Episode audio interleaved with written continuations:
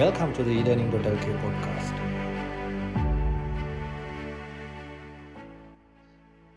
හරි අපි එහෙනම් ස්ටාර්ට් කරමු.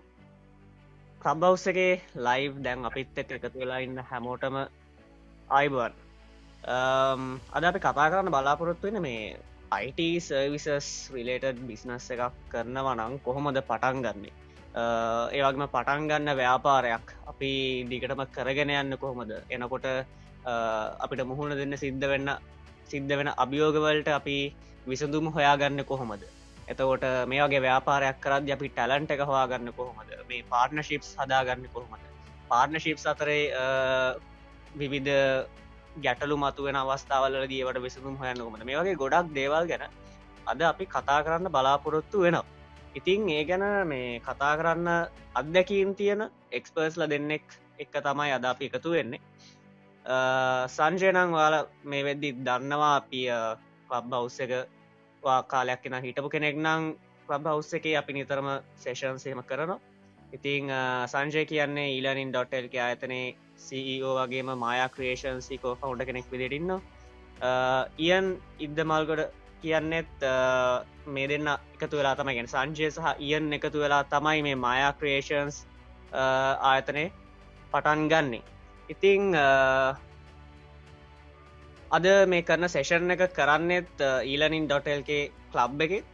ඒවගේම මේ ග්‍රෝවිත් මයන්න කලබ් එකත් එක් කලබරේෂණයක් විදියට අපි නිතරමතින් කලබරේෂන්ස් කරනවා. මේ මමයි සංජයක තුලා ගොඩක් සේෂන් සේම කරනතින් ඒ වගේ Eh, එකක් තමයි අදත් මෙතනදී සිද්ධ කරන්නේ. ඉතිං eh, මුලින්ම අපි කතා කරමු සංජයත් එක්ක. මම ආරම්භයක් විදියට අහන්න කැමති මේ කොහොමද මේක පටන් ගත්වල සංචයට සහ ඉයන්ට තියෙන හරි ලස්සන ස්ටෝර එක ඉතිං eh, සංජයෙන් අහන්න කැමති මුලින්ම මේ අපිත් එක ෂයා කරන්න මේ වගේ ස්ටෝරික මොකක්ද කොහොමද මේක පටන් ගත්ත කිය ස්තුතියි ශවීන්. සහභාගි වුණ හැමෝටමත් ස්තුතියි. අපි කතා කරන ප්‍රාන්ට එක හඟන්න ඉදි මේක කරන්න හිතුන හේතුවත පොඩ්ඩක් කියන්නම්. මොකද අපි දකිනා ගොඩක් තරුණ ව්‍යවසායකයෝ සහවිවසායකය වෙන්න ඉන්න කට්ටිය විවිධ මට්ටමින් එගුලන්ගේ ව්‍යාපාරය මැත යෝසායකත්තර අතගහනවා ටස අපි දකිනවා ඒ අතගහන බොහෝ දේවල් උපරිම තාම කෙටිකාලකින් සමහරයව සමහරයව වසර කීපයකින් නිකම්ම නැතිලා යනවා. ඉතින් සාමාන්‍යයෙන් සියට අනුවත් අනු පහත් අතර ස්ටාටප්ස් ෆෙල්ලනවා ඉතින් ඒක බලන් ඉඳලා කාලයක් තිස්සේ විශේෂෙන්ම ලංකාවේ මේ මොනවගේ තත්ත්වයක්ද මේක තියෙන්නේ කියලා බලන් ඉඳලා ඒ කට්ට කාලා එතන එහට පැනගත්ත කට්ටිය විදිහට අපිට තියෙනවා යුතුකමක් පොඩ්ඩක් මේක තවටිකක් ලිහල දෙන්න මේ ගැටලුව. ඒක තම මේ සාකච්ඡාව කරන්න හිතුනේ. දැන් ස්ටෝරික ගැන හුවා මේ මේ ඩිස්කශන එක රෙකෝඩ් වෙනවා. මගේ දැන් අපිට එක ටයිටල් එක දාන්න අමතකුණා හරි. දැන් මම බේසිකලි කියන්න ඕනේ දැන් මෙතන ඉන්නවා ඇත්තටම සම්බන්ධ වෙලා ගොඩක් කට්ටිය මට පේනවා අපි දන්න දුන්න කීප දෙනෙකුත් ඉන්නවා. ඉතින් මූලික වශයෙන්ම මේ අදහස මේ ව්‍යවසායකත්වය එහෙම නැත්නම් තමන්ගේම දෙයක් කරන්න ඕන කියන අදහස මට ඇති වෙන්නේ තව යාළුවෙක් හිටියා මගේ ඉස්කෝලේ රංග කියලා. ඒ රංගත් එක්ක අපි පොඩ්ඩක් මම ඒ දවස්වල ඇක්ටිව් අපේ ක්ලබ්ස් වල ඉස්කෝලේ තිබ්බ එක ක්ලබ්ස් වල. තාරකා විද්‍යා ක්ලබ් එක එතකොට සොෆ්ට්වෙයාර් ක්ලබ් එක ඒ වගේ තිබ්බ ක්ලබ්ස් වෙබ් ඩිසයින් ක්ලබ් හොම මියුනෙත් අපි. ඉතින් ඒ ඔස්සේ ගිහිල්ලා අපි ස්කෝලෙන් අවුට් වෙනකොටම පොඩි උණක් ඇවිල්ලා තිබ්බා. මෙන්න මෙහෙම තමන්ගේම දෙයක් කරන්න ඕනේ කියන එක. මොකද සාමාන්‍යයෙන් මේක ඉයන්ගෙත් තිබ්බ ලක්ෂණයක්. නමුත් ඉයන් ඇත්තටම වෙන ස්කෝල එක කෙනෙක්. එයා මට ඉයන් මුලින්ම හම්බෙන්නේ 1997 දී නමුත් එයා ආනන්දේ මම ධර්මපාල. එතකොට අපිට ඉතාම ළඟ සම්බන්ධයක් ඒ ස්කෝලවල් දෙකක් නිසා පවත්වාගෙන යන්න බැරි වුණා ඒ කාලේ. නමුත් ඔහුටත් ඒ කැසිල්ල තිබ කෙනෙක් කියන එක අනිවාර්යයෙන්ම එහෙම වෙන්න ඕනේ නැත්නම් මේ අද තියෙන තත්ත්වයට අපිට ඒ සම්බන්ධතාවය ගොඩනගා ගන්න හම්බෙන්නේ නැහැ. ඉතින් ඔන්න 2005 ඒ ලෙවල් ඉවර වෙලා අපි ස්කෝලෙන් අවුට් වෙලා අපි හිතනවා අපි මොකක් හරි දෙයක් අපේම දෙයක් කරන්න ඕනි කියලා. ඉතින් ඒ අතරේ තමයි මේ එකට මේ තව මම පොඩි දෙයක් ඇඩ් කරන්න. ඇයි මේ මම මේක කරන්න කියන්නේ? මොකද්ද පෙළඹවීම කියන එක. දැන් ගොඩක් අය හිතනවා මේ ඔන්ටර්ප්‍රනර්ෂිප් ව්‍යවසායකත්වයේ කිව්වහම සෑහෙන වදර කියන්න ෆිලෝසොෆිකල් ලෙවල් එක අදහස් තියෙන කට්ටිය. දැන් එහෙමනි කියන්නේ. දැන් ඇවිල්ල කියනවා අපි කම්පනික පටන් ගත්ත හේතුව මේකයි. ඔහොම කියනවානේ. ඒ කිය තෝට ගොඩක් ලාට ෆිලෝසොෆිකල් පැත්තින් තමයි කතා කරයි නමුත් ඇත්තටම එහෙමද? මොකද මම කම්පනි පටන් ගන්නකොට මට හිතුනේ මට ලැම්බෝගිනි එකක් පදින්න ඕන ඉක්මනට. නැත්තම් ඒ වගේ අර ඊටාම පොඩි අදහසකින් ඒ කියන්නේ මම පොඩි කියලා කියන්නේ මේ මේ ව්‍යවසායකයෙක් වන්නට මෝටිවේෂන් එකක් විදිහට ලැබිය යුතු නැති අදහසකින් තමයි මේ ව්‍යවසායකත්තර අපි ආවේ. මම ආවේ. මට අපි කියන්න බෑ මම ආවේ. ඊට පස්සේ ඒ වගේම තව කෙනෙක් යටතේ මට වැඩ කරන්න තියෙන අකමැත්ත. ඒ කියන්නේ තව කෙනෙක් ඇවිල්ලා මට ඕඩර්ස් දෙනකොට මම කැමති නැහැ ඔන්න ඔය වගේ අදහස් සමහරට ඔය ව්‍යවසායකත්තර පිවිසෙන්න සුදුසු ඔප්ටිමම් අදහස් නොවෙන්න පුළුවන්. නමුත් ඕවෙන් තමයි ආවේ. ආවට පස්සේ දීර්ඝ කාලයක් තිස්සේ මේක කරන් යනකොට දැන් මූලික වශයෙන් දැන් අපු පළවෙනි තැනක අපි රැකියාවක් කරලා නැහැ. ඒ වගේම වෙන කිසිම කොහොමද කම්පැනි එකක් වැඩ කරන්නේ කොහොමද ව්‍යාපාරයක් දුවන්නේ ඒක ගිනුම් තියාගන්නේ කොහොමද කස්ටමර්ස්ලත් එක්ක කතා කරන්නේ කොහොමද මේ කිසිම දෙයක් ගැන අත්දැකීමක් නැහැ. ඒක මම දැන් නැවත හැරලා බැලුවාම මට හිතෙනවා මම කරගත්ත එක වැරද්දක් කියලා ඒක. මොකද හේතුව යම් කිසි හේකින් අපිට පුළුවන්කම තිබුණා නම් හොඳ ඕගනයිස්ඩ් ෆර්ම් එක වැඩ කරන්න. පිළිවෙලකට විශ්නස එකක් රන් කරන ෆර්ම් එක වැඩ කරන්න. ඒ අත්දැකීම ජීවිතයට වටිනව තමන්ගේම දෙයක් පටන් ගනිති ඒක නොකර ඇගේ හැයිට මේකට බැස්ස එක නිසා යම් ජීවිතය යම් වසර ගානක් නාස්ති වුණා කියන එක මගේ තියෙන බිලීෆ් එකක්. ඒක ඇත්ත. එක එහෙම තමයි. මොකද අපි අපි අපි ඒව මුලින් නම් ඒ කියන්නේ අපි we have to reinvent the wheel අපි මුලින් නම් මේ හැම process එකක්ම හදන්න පටන් ගන්න ඕනේ මේ මේ දැනුම අත්දැකීම නැතුව අහන්න මොකද මේ කියන්නේ ටෙක්නිකල් පැත්ත දැනුම නෙමෙයි දැන් ටෙක්නිකල් අපි පටන් ගත්ත වෙබ් ඩිසයින් විදියට වෙබ් ඩිසයින් කම්පැනි එකක්. ඒතකොට වෙබ් ඩිසයින් කම්පැනි එක ටෙක්නිකල් දැනුම මම ඇත්තටම ලබාගත්ත ඒක ඉන්ටර්නෙට් උත් තිබ්බ ඩයලොග් කනෙක්ෂන්. ඒතකොට මේ වගේ දැනුම කොහොමත් තිබ්බේ නෑ. YouTube උත් ආප් YouTube උත් දස් පහින් පටන් ගත්තේ YouTube උත් වලත් එහෙම මුකුත් කන්ටෙන්ට් එකක් නැහැ. එතකොට අපි ගොඩක්ම කරේ මම ඇත්තට මේ දැනුම ගත්තේ පොතක් කියවලා. මට පොතේ නම මතක නෑ. බොහොම නිල් පාට ලස්සන පොතක්. ඒ පොත පිටු සාමාන්‍ය 2000ක විතර පොතක්. ඒකේ මුල සිට අගට PHP, MySQL, HTML ඔය ටෙක්නෝලොජිස් ටික කනෙක්ට් වෙලා සම්පූර්ණ ප්‍රොජෙක්ට්ස් ටිකක් කරන එක තිබ්බා. තින්නේ. ඒක මම කියෙව්වා ඉංග්‍රීසි පොතක්. ඔරයිලි මීඩියා එකෙන් තමයි පබ්ලිෂ් කරලා තිබ්බේ. එතකොට ඒක මම කියවලා ඒකෙන් ගත්ත දැනුම තනියෙන් අත්හදා බලලා හරි ඔන්න දැන් අපි දන්නවා ඩයිනමික් වෙබ්සයිට් එකක් හදන්න කියන තැනට පොඩි කන්ෆිඩන්ස් එකක් ආවා. අපි යූස් කරපු ටූල්ස් ගත්තොත් එහෙම Dreamweaver තමයි ගොඩක් යූස් කරේ. ඉතින් Dreamweaver ඒකල් තිබ්බේ Adobe Dreamweaver නෙමෙයි Macromedia Dreamweaver තිබ්බේ.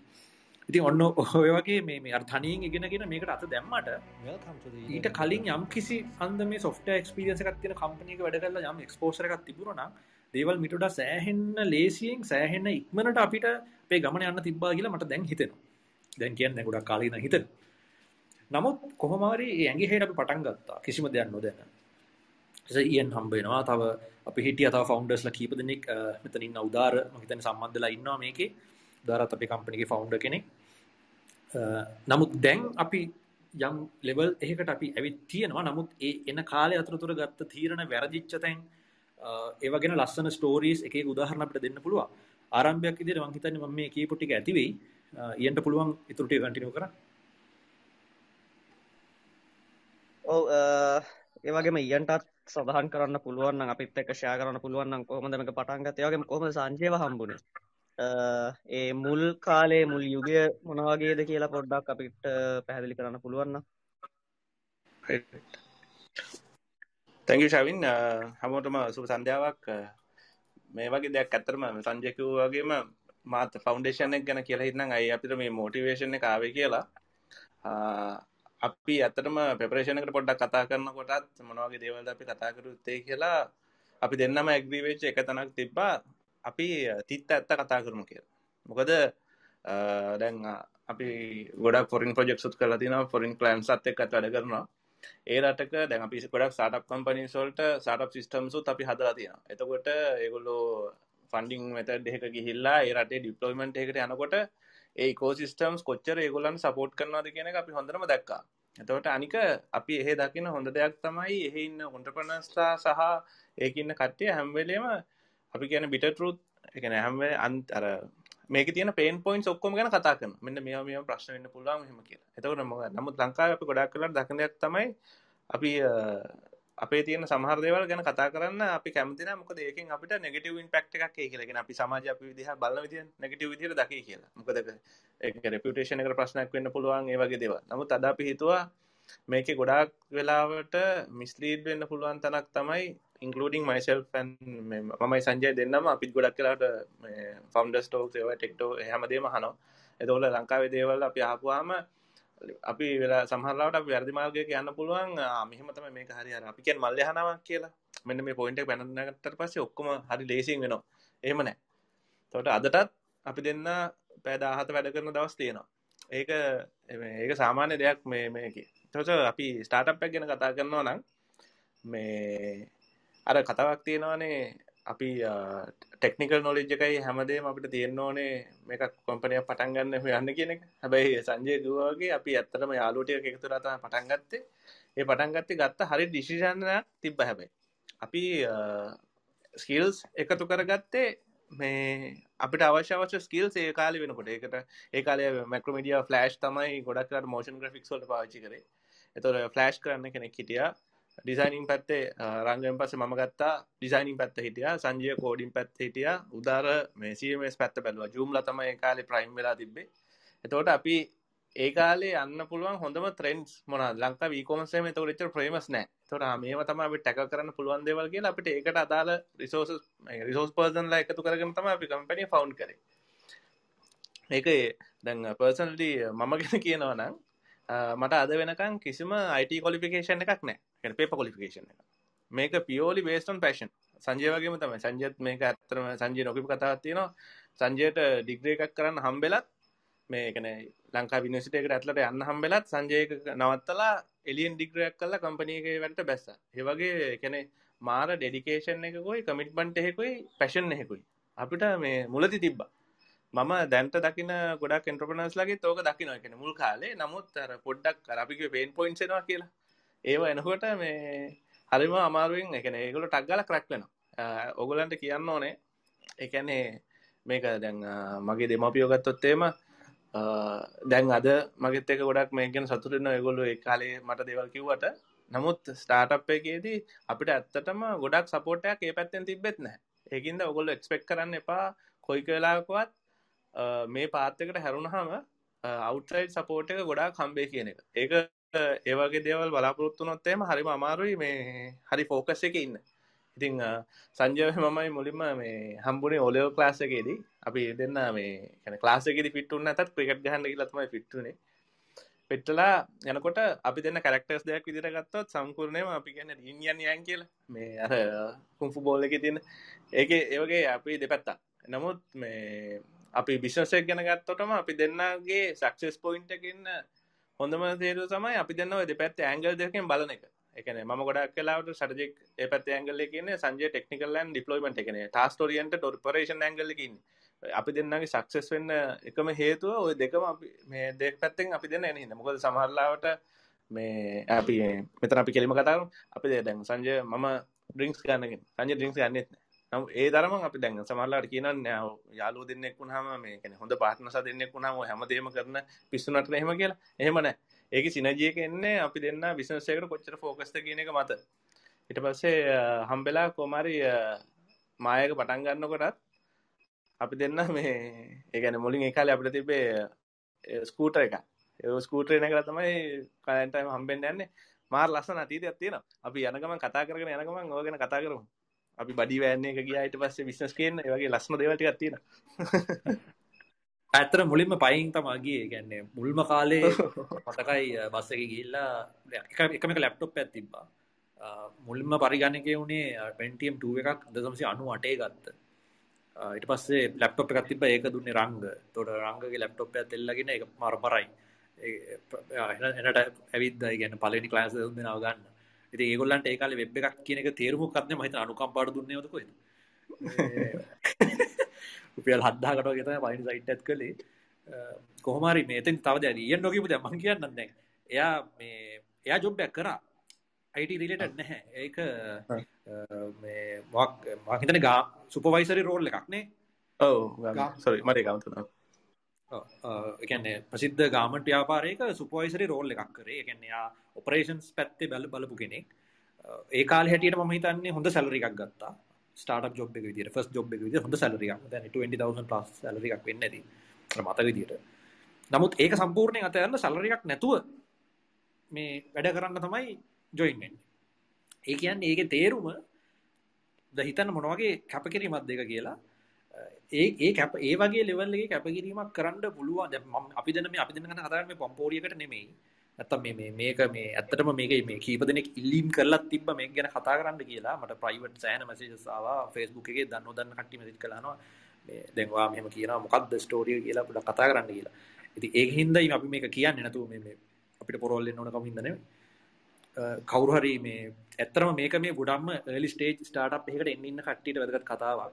අනිත් අයට සමහරට මේ ටයිම් වේස්ටිං එකක් වෙන්න පුළුවන්. ඉතින් ඒගොල්ලන්ගේ සමාවයි දිනවා ඔයගලන්ට වඩා පළදායි ලෙස මේ කාලය ගත කරන්න වෙන රූම් එකට යන්නත් පුළුවන් ඒ වුණා නමුත් මේක කියන්න ඕනේ අර ඒ කැපකිරීම කරන්න. අනිත් එක ඔල්ටර්නේටිව්ස් දැන් දැන් මගේ පවුලේ සමාජිකයින් දැනටත් ඔස්ට්‍රේලියා පදිංචි. ඒකට කීප දෙනෙක්. ඒතකොට මට ලේසියෙන්ම ඔප්ෂන් එක තිබ්බා ඒ කාලෙම යන්න.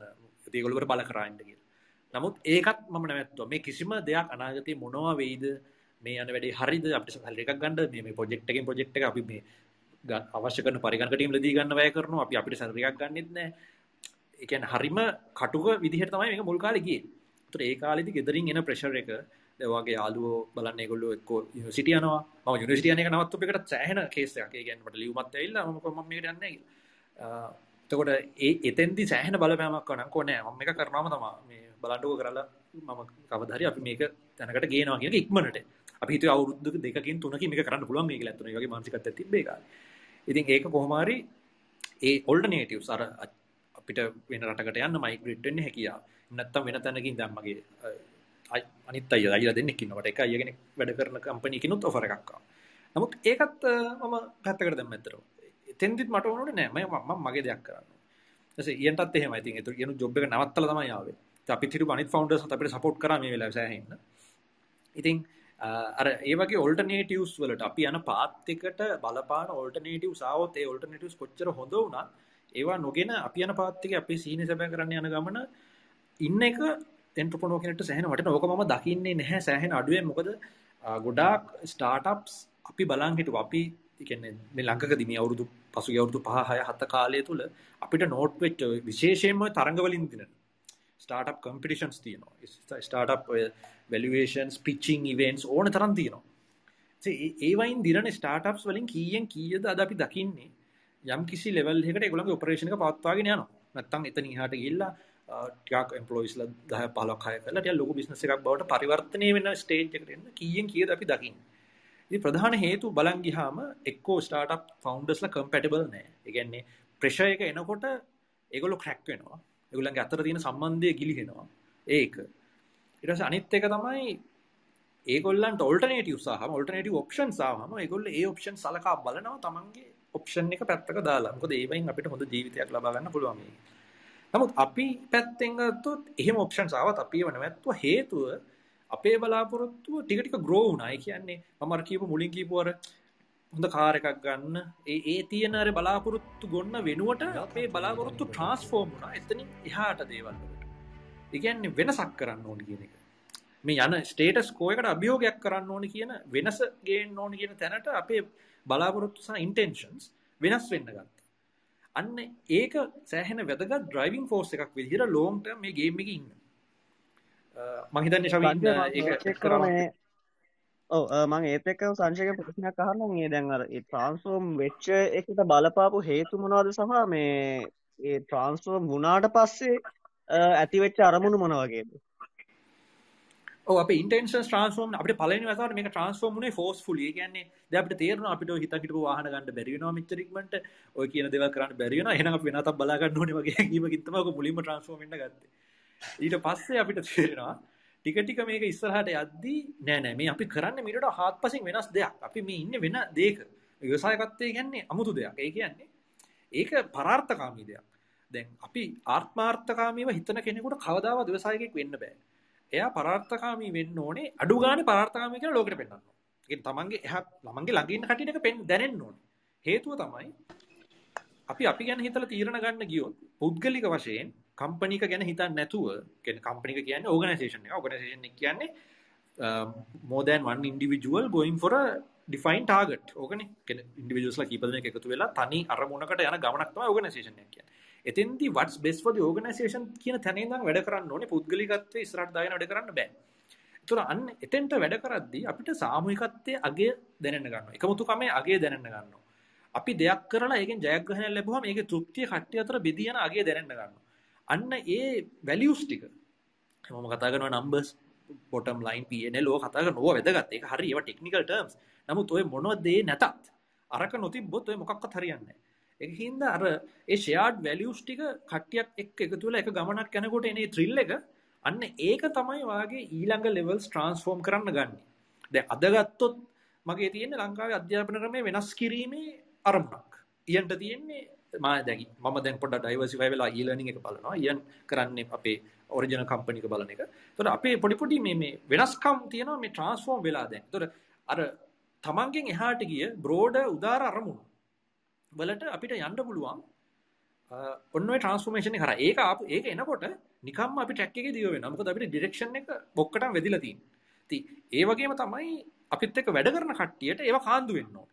ඒවා කාන්දු වෙන්න නම් අපේ අපේ සහජ අපේ ඇඟ ඇතුලේ ඒ ගුණාංග ටික තියෙන්න ඕනේ. එතකොට ඒ ටික එළියට කාන්දු වෙන්න කාන්දු වෙන්න තමයි ඒගොල්ලොත් අපි ගැන විශ්වාසය තියාගන්නේ අපිට මෙතන ගමනක් යන්න පුළුවන් කියලා. දැන් ඕක කම්පැනි එකක් ලොකු වෙන ලොකු වෙන්න ටික ටික අඩු වෙලා නැති වෙලා යන දෙයක්. නමුත් සමහර කම්පැනිස් අක දැකලා තියෙන ඔය වැලියු එක ඔය කල්චර් එක දිගින් දිගටම පවත්වා ගැනීමට හැකි වෙච්ච කම්පනීස් අද ඕගොල්ලෝ දන්න ලෝකේ ලොකුම කම්පනීසුත් ඒ ඒ ඒ හැකියාව තියාගත්ත කම්පනීස් තමයි ලෝකේ ලොකුම කියන්නේ ඉනෝවේටිව්ම කම්පනීස් ලොකුම කියන්නත් බෑ. ලෝකේ ඉනෝවේටිව්ම කම්පනීස් ඒ හැකියාවන් තියාගත්ත කම්පනීස් තමයි. ඊට දෙයක් ඇඩ් කරන්න පුළුවන් නේද? ඒක ශවින් සහ මේ හැමෝටම සංජය කලින් කිව්වාගේ අපි වරද්දගත්ත තැන් ගැන අපි පොඩ්ඩක් ආයි කතා කරොත් අපේ එකන අපේ ෆෝකස් එක මොකක්ද අපේ මේ අපි යන්න කොහෙරද කියලා හොයාගන්න අපිට ටිකක් කල් ගියා. එකන අපි අතරම ඉතන් හිටිය වෙබ් කම්පනි එකක් කරලා. එකන වෙබ්සයිට් හදන කම්පනී එකක් විදිහට ඉසරහට යන්න. එමන මායක පටන් ගත්තේ. එතකොට ඉත්සෝකේ එකන ඒක තේරුම් ගන්න සමහර වෙලාවට අපිට ෆස්ට ඔබ්ජෙක්ටිව එක තේරෙන්නේ නැහැ. අපි කොහොමද එකන අයිට සර්විසස් බිස්සයක් හදනකොට ම මෙටරිස්ටික් දේවල්ගෙන කතා කරන්න කැමතිනෑ මේ කැන බඩු සහ සල්ලි ගැන බිරෑන්ස් ගැන. නමුත් නම් අපි අපිතම අපි දැන්ට යන්න බයිසි කලයකින් නම් අපි ඉළඟට හොඳ කාහකට යන්න තරම් රෙවනු හදාගන්න කොහොමද? ඉටස එතනින් ඒ කාරයකින් දම් ඊළඟට බ්‍රන්ඩ් ලොකු කාරයකට යන්න තැනට රෙවනු එක අපි අත්තරම ඕන ප්‍රිස්නසේක බොටම් ලයින් එක. ඒක ගැන මේ ඉතාම ස්ට්‍රික්ලි මම මේ කතා කරන්නේ. ඕන බිස්නසේක බොටම් ලයින් එක තමයි වෙල්ත් එක වැඩි කරන එක ෂයා හෝල්ඩර්ස් ලගේ සහ ඒ මේ ඉන්න මේ අදාල ස්ටේක් හෝල්ඩස් ඒත් එක්කම ඒකට එතිකල් වැලිව එකක් තියෙන ඕනේ. ඒ අදාල කමියුනිටිය එක ග්‍රෝ කරන්න. එක ලාබි ලංකාව කියන ස්ටෙක්ටක් ගත ලංකාව තියෙන ඩොමස්ටික් සෙක්ට එක ග්‍රෝ කරන්න. ඒක තමයි එතිකල් සහ බිස්නස් ෝමල ප්‍රයිටි කෑල් දෙක. දැඟ සංජය කිවේ පැලියස් ට්‍රන්ස්ෆෝර්මෙන්න්න ගත්තයි කියලා. ඒ ට්‍රන්ස්ෆෝර්මෙන් එතන්. මොකද අපි එහෙම හිතන්න නැතුව ඉස්සරහට එන්නේ මොකද අපිට ඒක හිත අපි කම්පැනි එක පටන් අදට අවුරුදු 15 අපිට ඕක තේරෙන්න සෑහෙන කල් ගියා. මොකද අපිට අර ඉනිෂියල් මේ අපි කොහොමද වැඩ කරලා තිබ්බේ නැහනේ? එතකොට ඕ ඔක්කොම හදාගෙන කවුන්ටින් සිස්ටමුත් අපිත් හදාගෙන අපේ රියල් ෆෝකස් වැලියු එකට අපි ගන්න අපිට සෑහෙන කල් ගියා එතකොට මායක අපි පටන් ගත්තාම අපි වෙබ්සයිට් හදාගෙන හදාන හදාගෙන ඉස්සරහට ගියා ක්‍රියේටිව්ස් කරගෙන කරගෙන ඉස්සරහට ආවා එක තැනකදී තමයි තේරුනේ අපිත් අපේ තියෙන අපි අර මේ මාර්කටිං වලට තියෙන USP කියලා යුනික් සෙලිං ප්‍රොපොසිෂන් කියලා. එතකොට මේ අපේ මේ යුනික් වැලියු එක මොකද්ද? ඔය Apple එකේ හැමෝම කතා කරනවානේ be different, think different එහෙම කියලා. එතකොට අපි හැමෝගෙම යුනික් වැලියු එකක් අපි හොයාගන්නවා. එතකොට ඔයගොල්ලෝ දැකලා ඇති දැන් අපේ ලංකාවේ යුනිච් කම්පනීස්ුත් ඔක්කොම ගත්තාම ඒගොල්ලෝ හොයාගෙන තියෙනවා තමන් යුනික් වැලියු එකක් දිනු වෙච්ච ඒරියා එක. ඒක මේ මේ අර මැජික් වගේ වැලියු එකක් වෙන්න ඕනේ නැහැ. ඒක ටෙක්නිකල් වැලි එකක් වෙන්නත් පුළුවන් ඕගොල්ලන්ගේ ඩියලප් එක අපිතම ඩියලොප්මන්ට් කම්පනි එකක් කියලා ඩියලොප්මන්ට් කරන ටීම් එකක් කියන කියලා ඔය හය අපි තුන් හතර දෙනාටම පුළුවන් නම් හොඳට කෝඩ් කරන්න ඒ කියන්නේ ඕගොල්ලන්ට සිස්ටම් හදන්න පුළුවන් හොඳටම ඒක ඕගොල්ලන්ගේ යුනික් වැලියු එක. කියන්නේ සිස්ටම් එකක් දැක්ක ගමන් ආකිටෙක්චර් එක හිතලා ටට්ටක් ගාලා ඩිප්ලොයිමන්ට් කරන්න පුළුවන් නම් මාසයක් වගේ ඇතුළත ඒකත් යුනික් වැලියු එකක්. එහෙම කරන්න පුළුවන් කම්පැනි ලංකාවේ මාර අඩුයි. ඒ ඇජිලිටි එක තියෙන. අන්න ඒ වගේ මායකේ අපි තේරුම් ගත්ත කාලයක් යනකොට මම මගේ මල්ලි ගැන සඳහන් කරන්න ඕනේ. මොකද මල්ලි තමයි මගට පස්සේ මායකේ ඩිසයිනින් එලිමන්ට් එක ගත්තේ. එතකොට එයත් හැම වෙලේම ෆොරින් ට්‍රෙන්ඩ්ස් බලන ලෝකල් ට්‍රෙන්ඩ්ස් නම් බලනවා හරිම අඩුයි. නමුත් ෆොරින් ට්‍රෙන්ඩ්ස් බලලා ලෝකලයිස් කරනවා. වල්ලා ඉගෙන අපි තේරුම් ගත්තා වෙන කම්පනයකටට අපිට තියෙන වෙනස තමයි අපේ ඩිසයින්ස් මාර යුනික් සහ අපේ ඩිප්ලෝයිමන් කැපසිට එක මාර එක මේ මාර ෆිෂන් එක අප ටක්ගල ඩිප්ලෝයිමන්ටට යන වැඩ කරලා මේවා කරලා. එතකොට දැන් අපේ වැලි ප්‍රීමියම් කස්ටම බේස ඇත්තමයිට අපි ගන්න ප්‍රයිස් පොයින්ට එකට හම්බෙන මනුසයට මාර සැටිස්ෆයිඩ් මේ ඒවගේ ඒකාල ඒවගේ වෙබ්සයිට්ක් ඒවගේ ලුක්කන් ෆිල්ල ඇතින එක කම්බුණාව ඒක තමයි අපේ යුනික් සෙලින් ප්‍රපෂන් ඕක තේරුම් ගන්න අපිට අවුදු හයක් විතර කිය ගෙන මේක තමයි මෙතනින් තමයි අපි අල්ලන්න. මෙතින් තමයි අපි අනිත් කට්ටේ වෙනස් වෙන්න ඕන කියන අනිත් එක අර ඔගොල්ලෝ මේ අපි ස්කිල් සෙට්ස් ගැන කතා කරන්න කලින් කම්පනී එකේ එක්කෙනෙක් ඉන්න ඕනේ টොප් පොසිෂන් එක කමියුනිකේෂන් නම් හොඳටම කරන්න පුළුවන්. ඒකේ මම ක්‍රෙඩිට් එක මම සංජයට දෙනවා. අපේ කම්පනී එකේ ෆස්ට් හොඳම කමියුනිකේටර් උනේ සංජය. ඒ මම කතා කරන්නේ ඉංග්‍රීසිුත් එක්ක. හරි සංජයට පුළුවන් මාර විදියට දෙයක් මනුස්සයෙකුට කන්වින්ස් කරන්න. ඒකට හේතුව එයා ඒ කාලෙත් ගොඩක් දේවල් කියවනවා. ඒක නේද පර්සනලි මම ගත්තොත් මටත් මම මේකන මොකද මම සාමාන්‍ය ත්‍රෙන්ස් තමයි බලන්නේ ඩිසයින්ස් ට්‍රෙන් නමු සංජය කන ලංකා වෙන දේවල් මොනද ලෝක ගෙන දේවල් එකන ඔය මේවා සමහට ඔලන්ට විහිළු වගේ තේරේ ඔය මෙව්වා එයාපලේන්ස් ගැන යුද්ධ ගැන පොල්ටිකල් එකෝසිිස්ටම්ස් ගැන ඒව ගැන හොයන්. හටද හැබැයි කාලයක් යනකොට තමයි අපට තේරුණේ කස්ටම කෙනෙක් අපිට ගාවට එන්න එයාට හැම දේටම වඩා. එයාට අපිෝ කම්ෆටබල් වෙන්න ඕන්. එයාට අපිෝ කම්ෆටබල් වෙන්න නම් අපි යාගේ ඒරයක දැනුම තියන දේවල් කතා කරන්න පටන්ගන්න සමහර ක්‍රිකට් ගැන වෙන්න පුළුවන් සමහයට යුද්ධ ගැන වෙන්න පුළුවන් වෙන රටවල් ගැන වෙන්න පුළුවන් ඉකොනොමීස් ගැන වෙන්න පුළුවන් ඩට ටෙරිසම් ගැන වෙන්න පුළුවන්. ඒ ඒරයගේ දේවල් කතා කරන්න කතා කරන්න ඒගුල්ලන්ට අපි ගැන මාර කම්පිට මේගෙන අපිතක වැඩ කරන එක මාර කම්ෆටබල ඕක තේරුම් ගන්න අපිට සෑන කල්ගිය දැන්ට අපේ සේල්ස් පිච්ච එකක් එකන අපි කස්ටමයකටකට පිච් කරන එකක් ඇහුවත් ඔගුල්ලො මේ අපේ ඉන්න ලේටස් කලයින්ලත් එක බලන්න පුළුවන්. අපි අර කියන අන්තිමට මචං ලෙවල් එකට එනවා කියලා. අන්තිමට මචං ලෙවල් එකට එන තැනට එනවා. ඒ කියන්නේ ඒගොල්ලෝ මාර කම්ෆර්ටබල් එහෙම බොන්ඩ් එක හැදුනාට පස්සේ අපේ ප්‍රොජෙක්ට් එකේ වැලියු එක කොච්චර අප්‍රේස් වුණත් ඒක ප්‍රශ්නයක් නෑ. ඒගොල්ලෝ දන්න හරි. මේ මිනිස්සුන්ට අපේ කල්චර් එක තේරෙනවා. අපිට තේරෙනවා. ඒ කියන්නේ අපිත් එක්ක බය නැතුව වැඩ කරන්න පුළුවන් කියන තැනට එනවා. ඔන්න ඔන්න ඕව කෑල්ල. ඔය හැම කම්පනියකටම ඕක යුනික් වැලියු එක මොක වුණත්. ඔන්න කමියනිකේෂන්ස් කෑල්ලයි කස්ටමර්ට හරි සර්විසයක් දෙනවයි කියන එක තමයි මේක බොටම් ලයින් කී ෆැක්ට් එක. අන්න ඒක ඇල්ල හරියටම හදාගන්න ඕනේ. එතකොට එතනින් එහාට බිස්නස් එකේ තියෙන ඔයගොල්ලන්ට තේරෙයි මාර growth ඒ කියන්නේ හිතාගන්න බැරි growth එකක් සහ networking client base එකක් උඩට හැදෙනවා කියන්නේ networking කියලාත් අපි පොඩ්ඩක් වැඩිපුර කතා කරන්න ඕනේ. අපි ලැට පාර්ට් එකේදී ඒක කතා කරමු. ඉතින් ඔයගේ දේවල් තමයි බේස් දේවල් අපේ බිස්නස් එක ට්‍රාන්ස්ෆෝර්ම් වෙන්න ගත්ත. ඕගොල්ලෝ දන්නවත් දන්නේ අදටත් අපි තාමත් විශ්වාස කරනවා ලංකාවේ රෙකෝඩ් එක අපි තමයි තියාගෙන ඉන්නේ කියලා. අපි කොච්චර ඩෙප්ත් එකකද ගියාද කියනවා නම් අපි ශාරුක් ખાන්ගේ ඒ කාලේ ඔෆිෂියල් ෆෑන්ස් රයිට් එක අපි ලංකාවේ හැදුවේ. SRK යුනිවර්ස් කියලා. අපි ගාව තියෙනවා ලංකාවේ තියෙන පොපියුලම ඇඩ්වර්ටයිසිං සහ ඕන ඒජන්සි එකට කරන්න බැරි වෙච්ච වැඩක් අපි කරගෙන තියෙනවා. මගේ මල්ලි අපේ කම්පැනියේ පොඩි මැෂින් එක හදපු ලෝගෝ එකක්. කියන්නේ ක්‍රියේටිව් හින්දා ඒ ලෝගෝ එක ගහපු ෂර්ට් එකක් ඇඳගෙන ශාරුක් ખાන් ඇඳගෙන ඉන්න පින්තූරයක් අපි ගාව තියෙනවා. එයාට හැපි බර්ත්ඩේ කියලා ගහපු. ඒක මාර යුනික් මේ සුවනි එකක් අපි ගාව තියෙන. ඉතින් මේ ඉන්දියාව ගත්තොත් ඉන්දියාව කියන්නේ ලෝකේ තියෙන ඇඩ්වර්ටයිසිං වලින් තියෙන ලොකුම මේ ක්‍රියේටිව්ස් මේ ටැලන්ට් එකක් තියෙන රටක්. ඒක no doubt hand hands down මම අදටත් ඒක ඒ විදිහටම පිළිගන්නවා. නමුත් අපේ තිබ්බ මොකක් හරි අපේ කන්සෙප්ට් එකේ තිබ්බ හොඳ කමක් හරි ඒ කියන්නේ අපි අප ඇත්තර මේ පිච් කරප එක තිබ වෙනස්කම හින්දා ඒගොල්ලන්ට කම්ෆටබල් වුණ අපිත් එක වැඩ කරන එක. ප්‍රයිස් පොයින්ට හැමදේම කරලා අපිට දුන්න ප්‍රජෙක්් එක. මොඩියසලින් තමයි මේ ඒ ඕන හිටේ ෆැන් ලබ් එක ඇකවාර අපි ගොලොත් එක් කරන්න කියලා මුලින් අපිට ලෝග එකක් කියලා. ලෝගෝ එකට දැම්ම ගම ගොල මාරිදිරකම අදටත් මේ අවුරුදු හය හතක් හතක් වෙන අදටත් ඒ ලෝගම තමයි ගොල යස් කරන්නේ.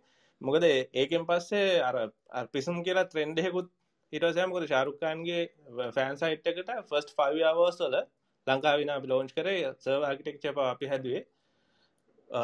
පලවෙනි පෑ පහ ඇතුළට 10 මිලියන් යසස්ලා ආව ඒ ලෝංච එකේදී. මේ අපි කිසිම මාර්කටිං මුකුත් ලොකුවට පුෂ් නොකර දැන් මේ කාල්ලන් අපි ශෝෂ මගේ මේකන සාරුක්කාන් ටීට් කරයාගේ කවන්් එකින් ඔෆිසිල් සයිට් එක එකයි කිය අර එකෙන් ඒ මයිලේජකාවා අදටත් එකන එක අපිට කොච්චර මේ ට්‍රෆිකයක් අවද කියන අපේ ඇත්තරම සර්වස් ප්ලෑන් කරේ 5 මිලියන් වලට. මේ 5 මිලියන් කියන්නේ 5 මිලියන් ට්‍රැෆික්යක් විතර ඒ කියලා. මොකද මේ ලොන්ච් එකේදී. නමුත් අර ට්වීට් එකත් එක්ක ෆර්ස්ට් 5 hours වලම බම්ප් වුණා 10 මිලියන් වලට. ඉතින් සර්වර්ස් ක්‍රෑෂ් වුණා. දැන් ඕගොල්ලන්ට තේරෙනවා ඇති ඒ කාලේ අපිට මේ ඒ කියන්නේ අපි සර්වර්සුත් ඉගෙන ගන්න තමයි ඉගෙන ගමින් තමයි කරේ. ඒ කාලේ ඔය සර්වර් ආකිටෙක්චර්ස් හදන ඒවා ඒවා ලොකුවට අපි ටැලන්ට් එකක් තිබෙත් නැහැ. මේ ඒවත් හදලා නමුත් ආය ආය සයිට් එක අප් කරලා අපි කරගෙන ගියා. ඉතින් ඒ වගේ එකන අපි ඇත්තටම හිතුවොත් කරන්න බැරි දෙයක් නැහැ මේ ලෝක. ඉතිං ඒකට ඕනේ හරි පයින් සෙට් එකයි හරි ටැලන්ට එකයි. එකන ටැලන්ට කියන කමිට කමිට්මන්ට් එකයි තමයි. ඔහු ඇතර මේ ඊයන් හොඳ පොයින්ස් ටිකක් ඉදිරිපත් කරා. ව්‍යාපාරයක් පටන්ගනිද්දී එකක් තමයි තමන් ඉන්න ටීම් එක ෆවුන්ඩර්ස්ල සහ ඒ ව්‍යාපාරඉන්න ටීම් එකේ යුනික්නස් එක හඳුනගන්න ඕන සහ ඒ ඔෆ කරන දේ යුනික් සෙලිම් ප්‍රපොසිෂන් එක. හඳුනගන්න ඕන. ඒක ගොඩක් වැදගත් කියලා ඉයන් ඉදිරිපත් කරා. ඒ වගේම තමයි මේ කමියනිකේෂන් පැත් අපි හදාගන්න ඕන කියලා. මොකද අපි කලයින් කෙනෙක් එක සෙලිං කරද්දී අපි ඉස්සලම කලයින්ට එක අර රිලේට් වෙන්න පුළුවන් වෙන්න ඕන. එයත් එක්ක හොඳ කමියනිකේට් කරලා මොකද මෙතන මේ ගණුදරු කරන්නේ පුද්ගලයන්ද දෙනේ මිනිස්සු දෙන්නේ. එතකොට මිනිස්සු දෙන්නෙක් විදිහට ව්‍යාපාරයක් වුණත් මිනිස්සු දෙන්නෙක් විදිහට කනෙක්ට් වෙන්න ඕන. එක පර්සනල් ලෙවල් එකකින් කනෙක්ට් වෙන්න නම් හොඳ කමියනිකේෂන් ස්කිල් එකක් තියෙන්න ඕන. ඒ වගේම ක්ලයන්ට් එක රිලේට් වෙන්න අපිට හොඳ එක්ස්පීරියන්ස් එකක් දැනුමක් සාර විශේෂයම ඒ විෂයන් ගැන ගොඩාක් විෂයන් ගැන හොඳ දැනුමක් තියෙන්න ඕන පර්සනල් ලෙවල් එකකින්. එතකොට ඒත් එක්ක අපිට පුළුවන් ඒ වගේ හොඳ රිලේෂන්ශිප් එකක් මේන්ටේන් කරන්න කියලා. ඉයන් මෙතනදී ඉදිරිපත් කළා.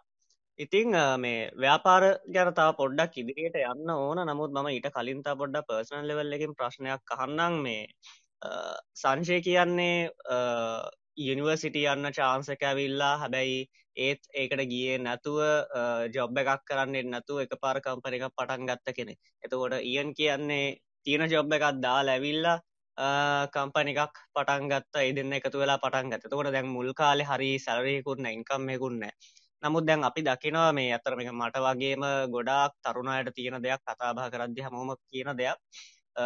මුල් කාලය අපිට ගෙදරින් සහ සමාජයෙන් ලොකු ප්‍රේශය එකක් එනවා. මේ අපි කොහොම දෙගන්නේ අපේ ආදායම් තත්ත්වයක් නැතුව අපි හරදයක් නැතුව මේ වගේ දේකට අතගැහවා මොකදලකු රිස්ක එකක් තියෙන එතකොට මෙන්න මේක බැලන්ස් කරේ කොහොමද? මේ ඒන ප්‍රශ්යක බැලන්ස් කරේ කොහොමද? සහ ඒ ආදායම් තත්ේ සවයි වුණේ සවයි වෙන්න මොනවගේ පියවරද ගත්තේ මුල් කාල? මං උත්තර දෙන්න?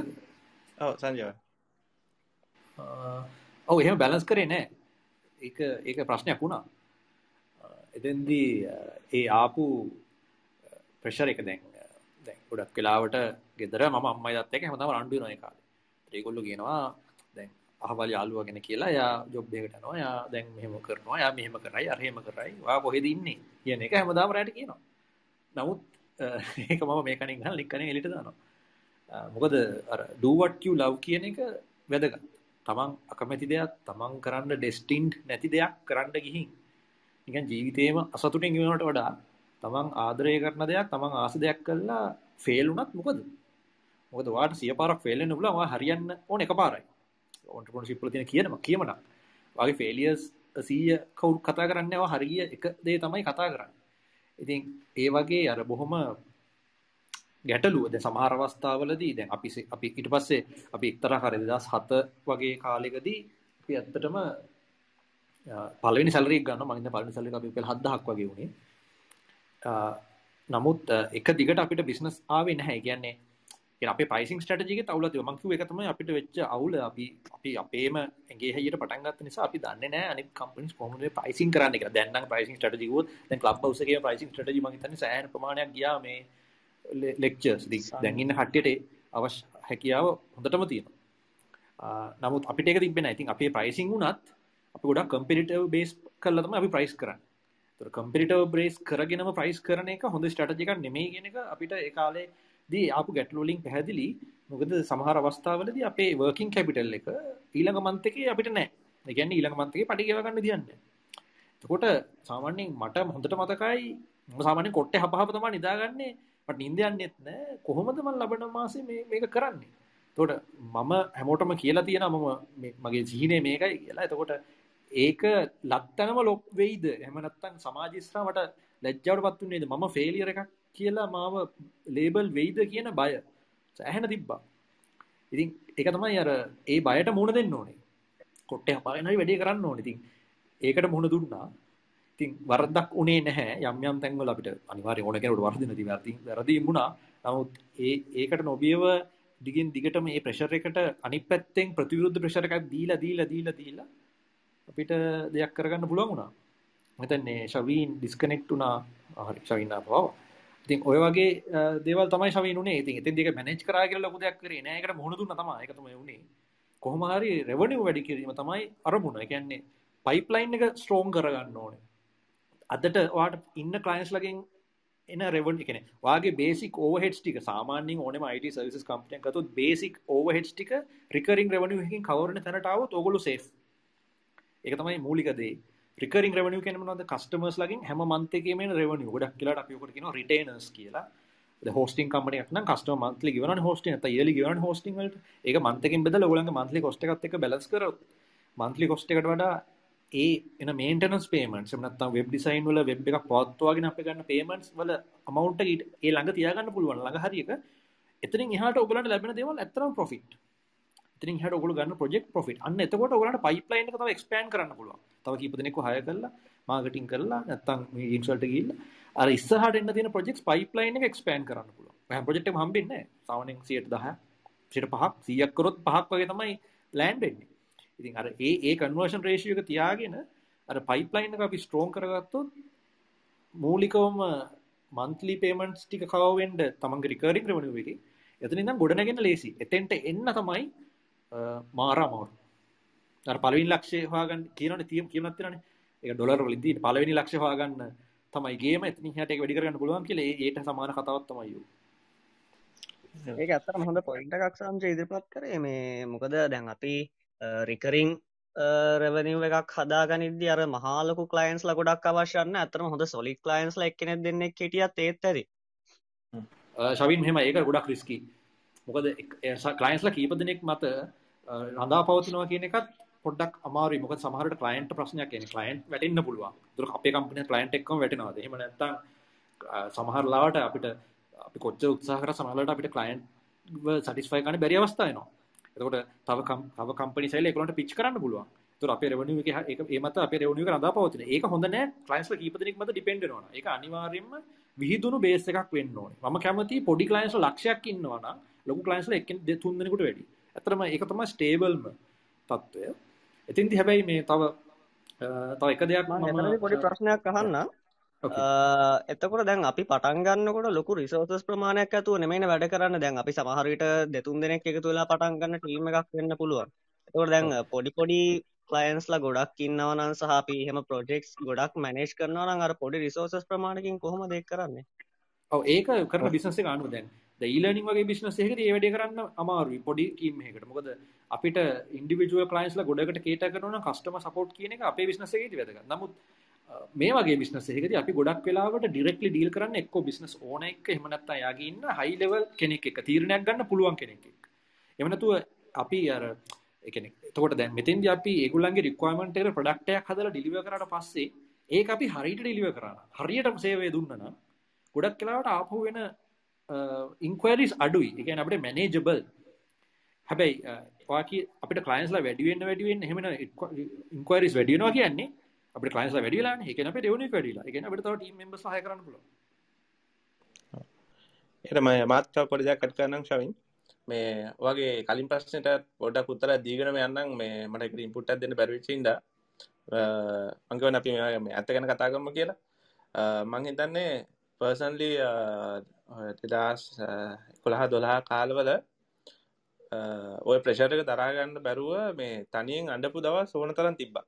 එකන මේ දැන් මේ වැඩක් වගේ හිටියට. හර මොකද දැන් uh, මටත් සංජරට මට පොඩි එක්ස්්‍ර පේශරයකුත්තාව මොක දැමගේ මල්ලිවත් මම ගත්තන මේ වැඩට. එතොට ගත්තාම දැන් අම්ම දෙන්නල්ම කියන මේ මටත් කියන මලිටත් කියන ගිලවන ජොබ්බක් හට ඉටස මටත් බයිනද මල්ලිවත් මේකට අරගෙන මේ මෙයට මුරුවත් දියුණු වෙන්න දෙන්න එහෙම කියලා බයින මගේ අම්ම තොන්ටපනගෙන යමගෙන මගේ ජීන එක ඇත්තටම බේස් ජීන එක තියෙන මගේ අම්මගෙන්. අදරත් මං යාට මේ කැනේ අද මම මෙතන ඉන්නවනම් 100%ක්ම සහ මේ අපේ කම්පැනියත් එතන ඉන්නවනම් එයාට ඒ කියන්නේ මාන ගරුත්වයක් එයාට තියෙනවා. මොකද එයා මුල් කාලේ අපිට ගොඩක් දේවල් බැන්නට මොකද ඒගොල්ලොත් බලන්නේ තමන්ගේ දරුවා දියුණු වෙනවා කියන එක. ඒතකොට දැන් මේකෙදි අපි කියවනේ අපිට මේක ෆිගර් අවුට් කරන්න අවුරුදු 6ක් විතර ගියා කියලා ඇත්තටම.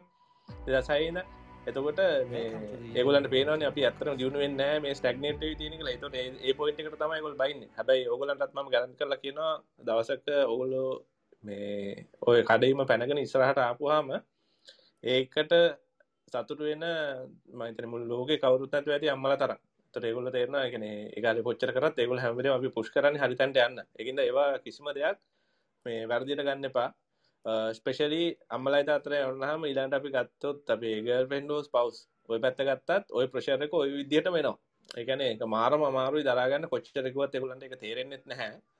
එක අපි මේ ගමනක් යනවා කියන එක. මොකද ඒගොලන්ට එකට වැරද්දක් කියන්න බෑ. මොකද ඩි ස්ටේජ්වලදී අපිට එහෙම ග්‍රෝත් එක කාටවත් පෙන්වන්න බෑ. ඒ කියන්නේ අපි දැන් සමහර කට්ටිය මොන අපිට මේ සෝරි මගේ මේ අපිට මේ කරනවා මේ තොට සමරකට ඉන්වස්පටක් වගේ ඇවිල්ලා හම උනහම ඔන්න ටක්ගල පෙන්න්න පුලන් හරි අපේ වෙල්ත කමලට න නමුත් ටට පැක් විදර අපි හම හම ඉන්න. එසම අපි පොඩියට පටන් අර ගොට නයන් ඒකින්ද. එතකොට අපි අර අර සල්ලි මැනේජ් කරන්න කියන තැන්ට අවුත් මේ ඒ කාලේ ඇත්තටම අපිට එක අපිත් එක්ක සංජයමයි සමරලාවට මේ කතා කර කර ගැන අපි මාන්සික අපි දෙන්නම් බිමට මැට් චලා අපි දෙන්න බිම අඩලයිනම් කතා කරලා තියෙනවා. එකනේ අපිට වඩා අඩුවෙන් ඉගෙනගෙන අපිට අලුවෙන් තරන් තියෙන මිනිස්සු වෙන ජොබ්බයකට කියලා සැලරීස් ගන්න අපිට පේනවා ඒ කාලේ බයික්ස්නේ අපේ ජීවිතය ගොඩක් කලාවට ස්ටාර්ට් එක් තොට වාහනයක් ගන්නවා බයික එකක් ගන්නවා ටසේ ජීවිතය ෆන් ගන්නවා පේනවා බොනවා ට්‍රිප් යනවා සමහරලාවට ලෝන් වීකේන්ස් වල කට්ටිය ට්‍රිප් ගිහිල්ලා අපි තුන් දෙනා හතර දෙනා වාඩිලා ඉඳගෙන වෙබ් එකක් හරි මොකක් හරි එකක් හදනවා. ඒ වගේ. ඊට පස්සේ ෆයිනෑන්සස් ගැන කතා කරොත් අර සංජය කලින් කතා කරපු පොයින්ට් එක. ඒ කියන්නේ අපි පරාත්තකාමී වෙනවා කියන එක ඒ කියන්නේ අපේ පර්සනල් ඔබ්ජෙක්ටිව් එකට වඩා මේ කම්පැනි එකේ ඔබ්ජෙක්ටිව් එක. එතකොට අර අපි කරන් කරේ රිටේනර්ස් කියලා. අපි එක වැරද්දක් කරා එක තැනකදී අපි US එක්ස්පෑන්ෂන් එකකට අපිට මේ ආවා චාන්ස එක ඒ තිබ කෙන අපට කතා කලා කිව අපි ඕවලම ප්‍රමෝට් කරන්න US වල මේ කරලා හිතින වෙබ් සරන් දෙන්නම් කියලා. අපිට ඇතර මාකප් එක මාර ලොකුණ මේ දෙදස් නමේ මට මතක විදියට.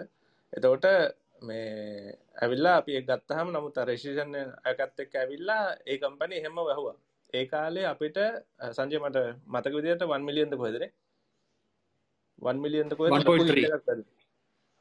මේ එකන ඒගොල්ලන් අපි ප්‍රජෙක්් කරලා කරලා කරලා අපි අත්තරම මේ රුපියලක්ත් ගන්නතු අපි සෙට්ටකම වැඩ කර වැඩ කර යන හැබැයි කරලා අන්තිමට උනේ අරගොල්ල වැටිච්ච පාර අපිට සල්ලිගෙවෙන ඊට පස්සේ මායක බින්දුවටම වැටුණා. ඒගැන මෙතින් හට කරගන්න බැරුව. නමුත් එතන්දි තපොඩිපට ප්‍රශ්නවගේ උත්තාව වෙදදස් දොලහ දහතුන රේංජකේද කල් අපි ෆවන්ඩ කෙනෙකුත් අපෙන් අයුුණ මේ වෙලාවේ අපි දෙන්න ඊටවෝ දරත් හිටිය. අපි තීරණයක් ගත්තා. අපි ඉන්න ඩිවලපර්ස්ලට ගෙවන්න. අපි කොහමත් සල්ටි ගන්නතු තමයි මාස්තුනක් හිටිය. මොකද ප්‍රජෙක්් රිගෙන ඉන්කම ලොකු හිද අපි තන්ගට අවට පස ලොකු සරක ගන්නවගේ අපි එකතුලා කෝමරි ඒක කොච්චර වැටුනද කියනවන අපිට එක කාලයක් තිබ්බා මංගතන්නේ ඕල්මෝස්ට අවුරුද්දක් විතර ගියා අපිට ඇටලිස් යන්තන් ඒකින් පොඩ්ඩක් රොලු උස්ස ගන්න යන්තන් හරි. අනික ඒ හැම කාලෙම අපි අර අපේ බේස්ම අපිට වියදංග එක අපි ගණන් හදර පැලුව අපිට කාලබීල ඉන්න ඕන ගාන. අයි ගාන්ට විතරක් අපි අරගෙන අපේ ඩිවල අපේ එතකොට වැඩ කරපු ඩිවලපස්ලා ඔක්කොටම අපිට වඩා අපි පඩිකිව ඒකන ඒක අපි ගත්ත ඇඩමින් ඩිසිෂන් එක මේක අපි වැටෙන්ට දෙන්න අපි කොහොම අරන් යනවා කියලා. මොකද ඩිවලපර්ස හිටපු කට්ටිය අපේ රික්වෙස් කරා. මේ මෙමයි අපට ගොලට කමිටපන්ති නන දැන් අපි ෆවන්ඩස් ලවනට ඇතරම ටීම එකක් නැඩ කරන්න. එතවට මෙහම අපේ කමිටපන් සියන අපට මෙච්චර ගානක් ඕනේ කියන එක අප රික්වෙස් කර. එත රික්වෙස් කරනකොට අප්‍රේස කරන එක වෙලි කරේ නැත්තන් එහෙම ඒගොලො එතනදි වැටනවා. එක ඒගොලොත් මාන්සික වැටෙනවන්. එතන්ට නමුත් අපි ඒක කරලා අපි දෙගොල්ල ඇබ්සෝප් කර මාර විදිහට ඒ පැක්ට එක. ඉතිං මාර ඒක ඒවාගේ හාඩ ඩිසිෂන් සෝගලන්ට ගණඩ වෙනවා. දැන් ගොඩක් කියලාට අපි මයකක අපි ඇත්ත කතා කරමු කියලා. අපි කවදක්කත් එහෙම මේ කොන්ෆටබල්සයන්න එක හිටියම නැහැ මුල් කාලේ. හැම්වෙලේම ඕගේ ලොකු ඉම්පෙක්ාව ඒ ඉම්පෙක්් අප ආපු හැම්වෙලේම ඔගොල්ලෝ මේ අරබ්දුල් කලාමුත් මේ කියල් තියෙනවා. ෆේම එකක් ඇවිල්ල මේ වෙනකට ටීම එක ස්රහට දාන්න. හැබ ඉම්පෙක්ට කාපෙලාවට ටක්ගල ඇඩමින් ටීම එක කෙනෙ ෆවන්ඩස් ටීම එක හැඳල් කරන්න ඕන කියලා. අපිම තම ඇබ්සෝප් කරගන්න ඕන. මොකද හැම වෙලේම අපේ අපේ ටීම් එක මෝටිවේට් කරලා තියාගන්න ටීම එක කියන්න තිතා ඉම්පෝර්න්ට අපිස්රට කතා කරමු. ඒ ටීම් එක තියෙන එකන ෆවන්ඩස් ටීම් ෆවන්ඩස් ටේකන ෆවන්් කරන දෙතුන් දෙනට අමතරව ඊළඟට හම්බෙන කෝටීම එක. අපි බුදු ධර්මයෙන් කතා කරනවා නම් පස්වගත උසු කතා කරනවාගේ ඒ ෆවන්ඩර්ස් ලගේ විෂන් එක ෆලෝ කරන් කම්පන එක ඉස්රහට අරං යන ඊළඟ ටීම් එක ඉතාම වැදගත්. මේ සංජය අපි ඒක මෙතනදි කතා කරනවද? කමක්නේ කතා කරලම යන්නේ. ඔව්. හරිද? ඊට කලින් ඊට කලින් මට පොඩි දෙයක් ඇඩ් කරන්න ඕකට. ඔය කියපු ඔය කාලය තුල ලැබිච්ච අත්දැකීම තමයි කොස් කටින් කියන එකත් අපි ඉගෙන ගත්ත හොඳටම. හොඳටම කොස් කටින් කරන හැටි ඉගෙන ගත්ත ඔය කියන කාලෙදී. එකක් පර්සනල් ලයිෆ් එකේ. ඒ වගේම නෝන මහතුරු ගර්ෆ්‍රෙන්ඩ්ලා බැලන්ස් කරන විදිහත් හොඳට ඉගෙන ගත්තා. බැලන්ස් කරන්න බැරි වෙච්ච කට්ටියට ඇත්තටම ඉන්න බැරි වුණා. බැලන්ස් කරගන්න පුළුවන් වෙච්ච මිනිස්සු ටික හිටියා ඉතින් ඒ බැලන්ස් ඒ පර්සනල් ලයිෆ් එක සහ කම්පනි ලයිෆ් එකේ කොස් කටින් කියන එක පුරුදු වෙන එකෙන් ඉගෙන ගත්ත පාඩම් ටික මම වෙනම ලින්ක්ඩින් ආටිකල් එකක් ලිව්වා ගිය අවුරුද්දේ. ඒ කියන්නේ කොරෝනා ඇවිල්ලා කම්පනීස් ගොඩාකට ඒක හිට් එකක් වෙනකොට මම ලින්ක්ඩින් එකේ ওই ආටිකල් එක ලිව්වා.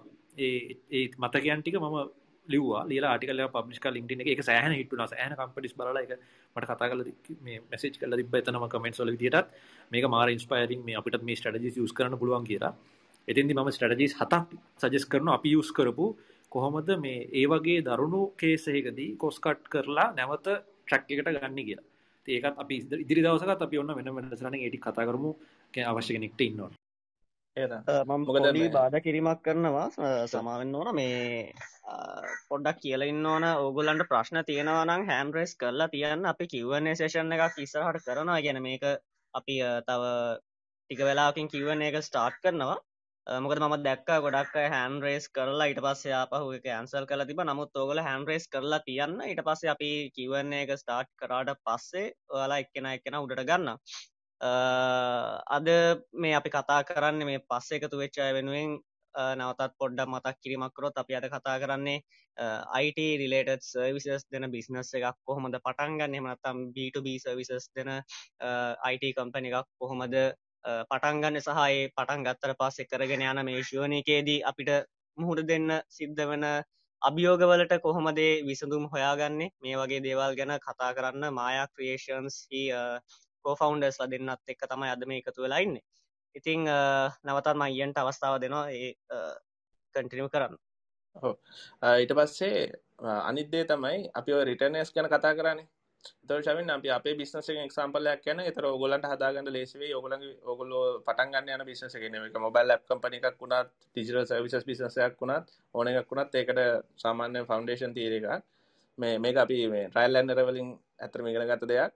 එතකොට දැන් අපි ගත්තොත් එහෙම මායා කියන කම්පනය එක ඩිජිටල් ඇඩටයිසින් කියන එක. අපි ඇත්තනම ඉතිය වෙබ් ඩිසයින් කම්පනයක් කියල මුලින්. එතොට මේ වෙබ් ඩිසයින් කෙන අපි වෙනස් කරගත් ඩිජිටල් බ්‍රන්ඩිං කම ඇඩටයිසින් කියලා. දැන් අපි යන්න ඇතම ඩිජිටල් බ්‍රන්ඩිං කම්පනයක් කියලා. එක කව ජම්පින් ගැන අපි කතා කරමු. එතකොට අපිට දෙන්න පුළුවන් සර්විශස් තුනහතරක් තියෙනවා. එතොට සාමාන්‍යයෙන් රිටේනස් ගන්න ලේසිම සර්විස් එක තමයි අපේ ඉන්ඩස්ට්‍රේකේ වෙබ් හොස්ටිං කියන එක.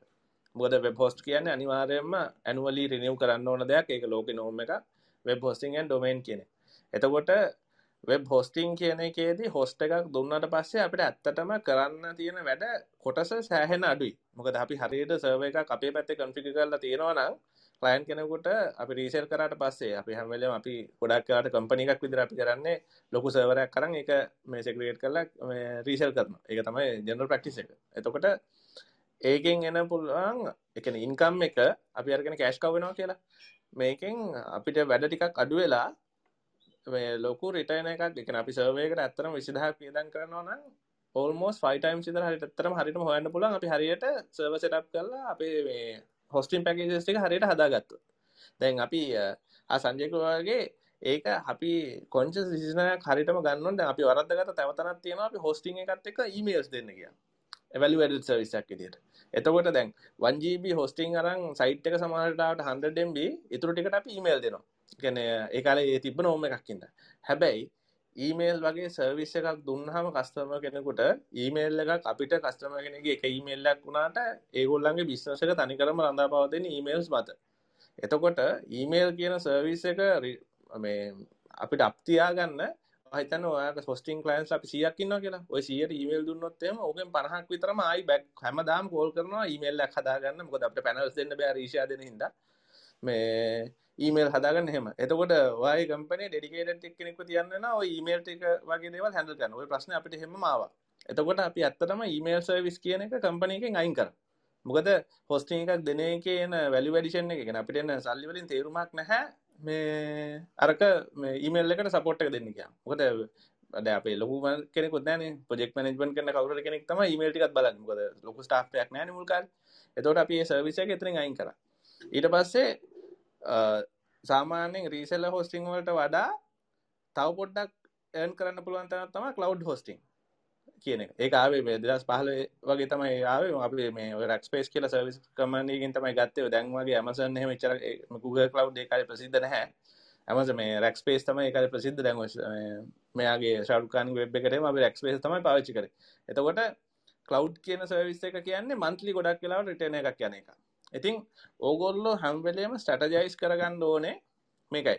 අපි වැරද්දගත්ත තැනට අපි ම- සංජයටත් මටත් දෙන්නටම ෆයිනන්ශල් බැක්ග්‍රවුන්ඩ් එකක් නැහැ. අපි අපි අතේ ගැන අපේ එක්සෙල් ශීට්වල අපි තියාගෙන තමයි අපි හිටියේ. පස්සේ තමයි මේ ඔය ටැක්ස් අනම් මනගෙනකොට තමයි අපි කම්පැනි එකක් හයර් කරේ වැඩ කරන්න. මොකද ඒකත් අපි ගත්ත හොඳ ඩිසිෂන් එකක්.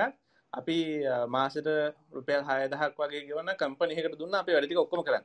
නැතුව අපි එක්කෙනෙක්ව කම්පැනි ඇතුළට හය කරගත්තේ නැහැ. මොකද අපි ඔය කම්පැනි එකට ඇත්තටම රුපියල් ඒ කාලෙත් තමයි. සැලරි එක ගන්න තිබුණේ රුපියල් 10000 විතර ඔය මේ ඩබල් ඒටි වගේ කරපු කෙනෙක්. එහෙම අරන් වැඩක් නැහැ. මොකද ඊට පස්සේ annual return submission tax submission ඔක්කොම අපි බලන්න ඕනේ. අපි දන්නෙත් නැහැ නේද ඒකින්ද අපි මේ IT සර්විසස් මේ accounting සර්විසස් තියෙන කම්පැනි එකට හය කරා. ඒතකොට ඒගොල්ලෝ ඔක්කොම අපේ දේවල් බලාගන්න ඒවා හොඳ ඩිසිෂන් ඕගොල්ලොත් ඒ විදිහටම තියාගන්න මොකද කම්පැනි එක ටැක්ස් වලයි ඔය ඇනුවල් රිටර්න් සබ්මිෂන් වල ප්‍රශ්න ආපු වෙලාවට තමයි තේරෙන්නේ කලින් බුක් කීපින් කරපු නැති එකේ ප්‍රශ්න. ඒ කියන්නේ අපි රෙකෝඩ්ස් තියාගත්තේ නැහැ එකේ ප්‍රශ්න. ඉතින් ආ, ඒව හැම අපි පස්සේ බර්න් වෙලා තමයි ඉගෙන ගත්තේ. ඒ කියන්නේ ටැක්ස් එකකින් රෙඩ් ලෙවන්ටිස් එක ආපුවම තමයි ටැක්ස් ගැන හොයන්න පටන් ගත්තේ. ඉතින් ඒ දේවල් ඕගොල්ලොත් කරගන්න එපා. ඒවා ගැන මුලින් හිතන්න. ඒ කියන්නේ පළවෙනි ඉයර් එකේ වරි වෙන්න දෙයක් නැහැ. නමුත් ඊට පස්සේ තමන්ගේ බුක් කීපින්ස් ගැන බලන්න. සෝ මම කලින් කියන්නේ ගියේ එතකොට ඕගොල්ලෝ ඒ බේසික් කකවන්ටිං නොලේජ් එක අනිවාර්යෙන් ගන්න මොකක් හරි යුඩේමි හරි YouTube මොකද YouTube එකේ තියෙන ඕන තරම් බේසික් කකවන්ටිං. ඔය තියෙන්නේ ඊලනින්.lk එකේ විශේෂ පාඨමාලාවක් තියෙනවා මේ. අලුතෙන් පටන් ගන්න Sorry. බිස්නස් වලට හරිද? accounting මේ- මුල සිට ඔව්. ඒක entrepreneurs ලා ටාගට් කරලාම හදපු එකක් finance කට්ටිය ටාගට් කරලා එකක් නෙමෙයි. හරිද? එතකොට ඕගොල්ලන්ට තේරෙනවා ඇත්තටම මේ කම්පැනි එකේ අපිට නොතේරෙන මේ ඒ කියන්නේ අවුරුද්දක් විතර දේවල් පොස්ට් එක හදලා බලපුවාම අපි දන්නේ නැතුව කරපු දේවල් මොනවද කියලා. ඒ කියන්නේ මේ දැන් මැෂින් එකක් අප්ග්‍රේඩ් කරන කියන එක අපේ රිකරින් කොස්ට් එක නෑනේ. එතකොට දැන් අපි අලුතෙන් එම්ප්ලොයි කෙනෙක් ගන්නවා නම් එක මැෂින් එකක් අනිවාර්යෙන් ගන්න ඕන. දැන් අපි අල- අලුත් ඔෆිස් වල නම් අපි කියන්නේ අපිට ස්ටේෂන් එකක් ගන්න ඕන. ඒ කියන්නේ මිනිහ මේ එයාට ඉන්න තැනක් පවා අපි දෙන්න එපා. එතකොට අපි හතර දිනකට වඩා වැඩි කරනවා නම් AC එක අප්ග්‍රේඩ් කරන්නත් ඕන. එහෙම දේවල් තියෙනවා. එතකොට ඒව එහෙම අපි ජීවිතේ ට්‍රැක් කරන්නේ නැහැ. දැන් කම්පැනි ලොකු වෙන්න ලොකු වෙන්න තමයි ඕවා ප්‍රශ්න වෙන්නේ. හරිද? එතකොට නමුත් ස්ටාර්ට්අප් එකේදී ඔය ඔච්චර ලොකුට හිතන්න එපා. මුලින්ම ඕගොල්ලන්ගේ බේස් accounting ටික හරියටම හදාගන්න. ඒ කියන්නේ සැලරි එකයි. අපි සර්වර්ස් හරි මොන හරි ගන්නවා නම් මේන් ඉන්කම් මේ මේන් අපිට අවුට්ෆ්ලෝ තියෙන ඒවා. ඒවා ඊට පස්සේ EPF ETF ගෙවනවා නම් ඒ ටික. එහෙම එහෙම ඕගොල්ලෝ බලන්න ඇත්තටම කොච්චර මේකක් යනවද කියලා. ඔය ඕකට අනිවාර්යෙන් 10% profit margin එකක් add කරලම තමයි ඕගොල්ලන්ගේ base cost එක හදාගන්න ඕනේ. එතකොට අපි හිතමු ඒකට 1 million යනවා කියලා. ඔක්කොම මේ අපි ගණන් හදාගන්න ලේසි වෙන්නේ. නැත්නම් අපි මුල් කාලේ අපි හිතමු ලක්ෂයයි කියලා.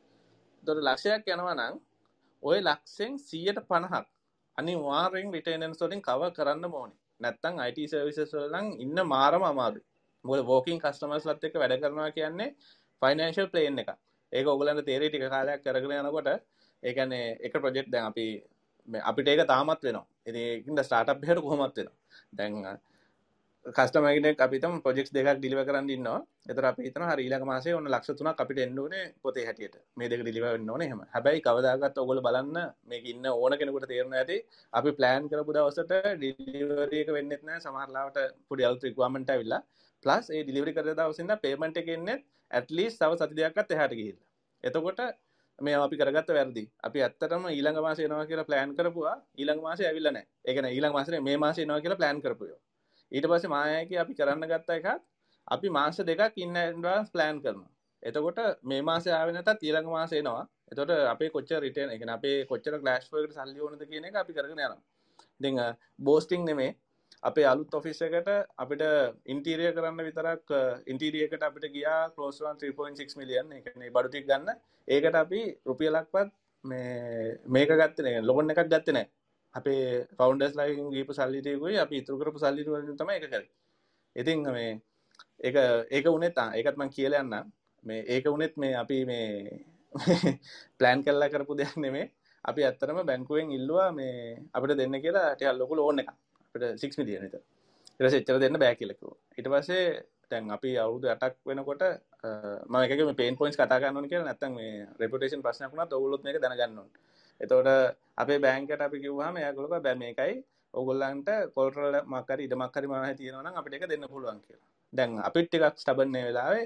අපිට එහෙම ඕන්න හැ මොකද මේ අපි දන්න අපට මේ ගවන්න පුළුවන් කියලා. මොකද ඒ වෙනකොට අපි ස්ටේබල් වෙලා ඉවරයි. අපික නෑ අපිට දෙන්න. අපිට මේක ගවන්න පුළුවන් කියලා ෂුවර් කියලා. කම්පැනි account එකත් ඒගොල්ලෝ ගාන තිබ්බ අවුරුදු 8ක් 8කටත් වැඩි. උදාහරණයක් විතර එතකොට ඒගොල්ලෝ ඒත් මේ ඒකට මෙවුන් නැහැ. එතකොට අපි ස්ට්‍රොං පොයින්ට් එකට ආවා. හරි. ලංකාවේ බැංකු සිස්ටම් එක කියන්නේ මෙහෙම තමයි. ඔය දැන් ඔයගොල්ලෝ දහලා තියෙන ගොඩක් කට්ටිය කියනවා මේ ලෝන් දෙන්නේ නැහැ මේ බොරු තමයි මේගොල්ලෝ කියන්නේ කියලා. ඒ දේවල් ගොඩක් වෙලාවට ඇත්ත. ඒකට හේතුව අර අර බුක්කීපින් එහෙම. ඒව එහෙම අපි සබ්මිට් කරලා ඒව කරන්න අපි අපිත් ලැට පාට් එකේ දිනව පටන් ගත්තේ බර්න් වුණාට පස්සේ. හරිද? ඒව එහෙම හරියටම තියාගන්න අනික අපි සමහර ලාවට මේ මෝඩ වැඩ එහෙම කරලා තිබ්බා ගොඩාක්. ඒක පස්සේ තමයි අපි දැනගත්තේ. කම්පැනියට රුපියලක් හරි එනවා නම් ගොඩක් වෙලාට කස්ටමර්ස්ලා ඔයගලන්ට අතර සල්ලි දෙනවනේ. ඒ අතර සල්ලි දෙන වෙලාවටත් ඒව ඔක්කොම බැංකුවට දාන්න. මොකද දැන් සමහර ලාවට දැන් අපි හෙට පඩි දෙන්න තියෙනවා නම් අතර අපිට ලක්ෂ පහක් විතර හම්බුනහම අපි හතර දෙනා මේ ඒක බෙදා ගන්න බැංකුවට දාන්න නැතුව. මොකද දැන් හෙට කොහොමද බැංකුවෙන් අරන් සල්ලි දෙන්න එපා. දැන් මේක ඔන්ලයින් ට්‍රාන්ස්ෆර් කොහොමද කරන්නේ එතකොට නමුත් ඒවා රෙකෝඩ් කීපින් වලට යන්නේ බැංකුවේ මෙච්චර ගාණක් ආවා කියලා. එතකොට accounting කරන කට්ටියටත් ඒක නයිට්මෙයාර් එකක්. මොකද අපි සල්ලි එළියෙන් බෙදලා. අනික දැන් අපි credit card වලින් වියදම් කරනවා, අපේ personal සල්ලි වලින් වියදම් කරනවා. එතකොට ඇත්තටම company financial asset එක කොච්චරද කියන එක බැංකුව දන්නෙත් නැහැ.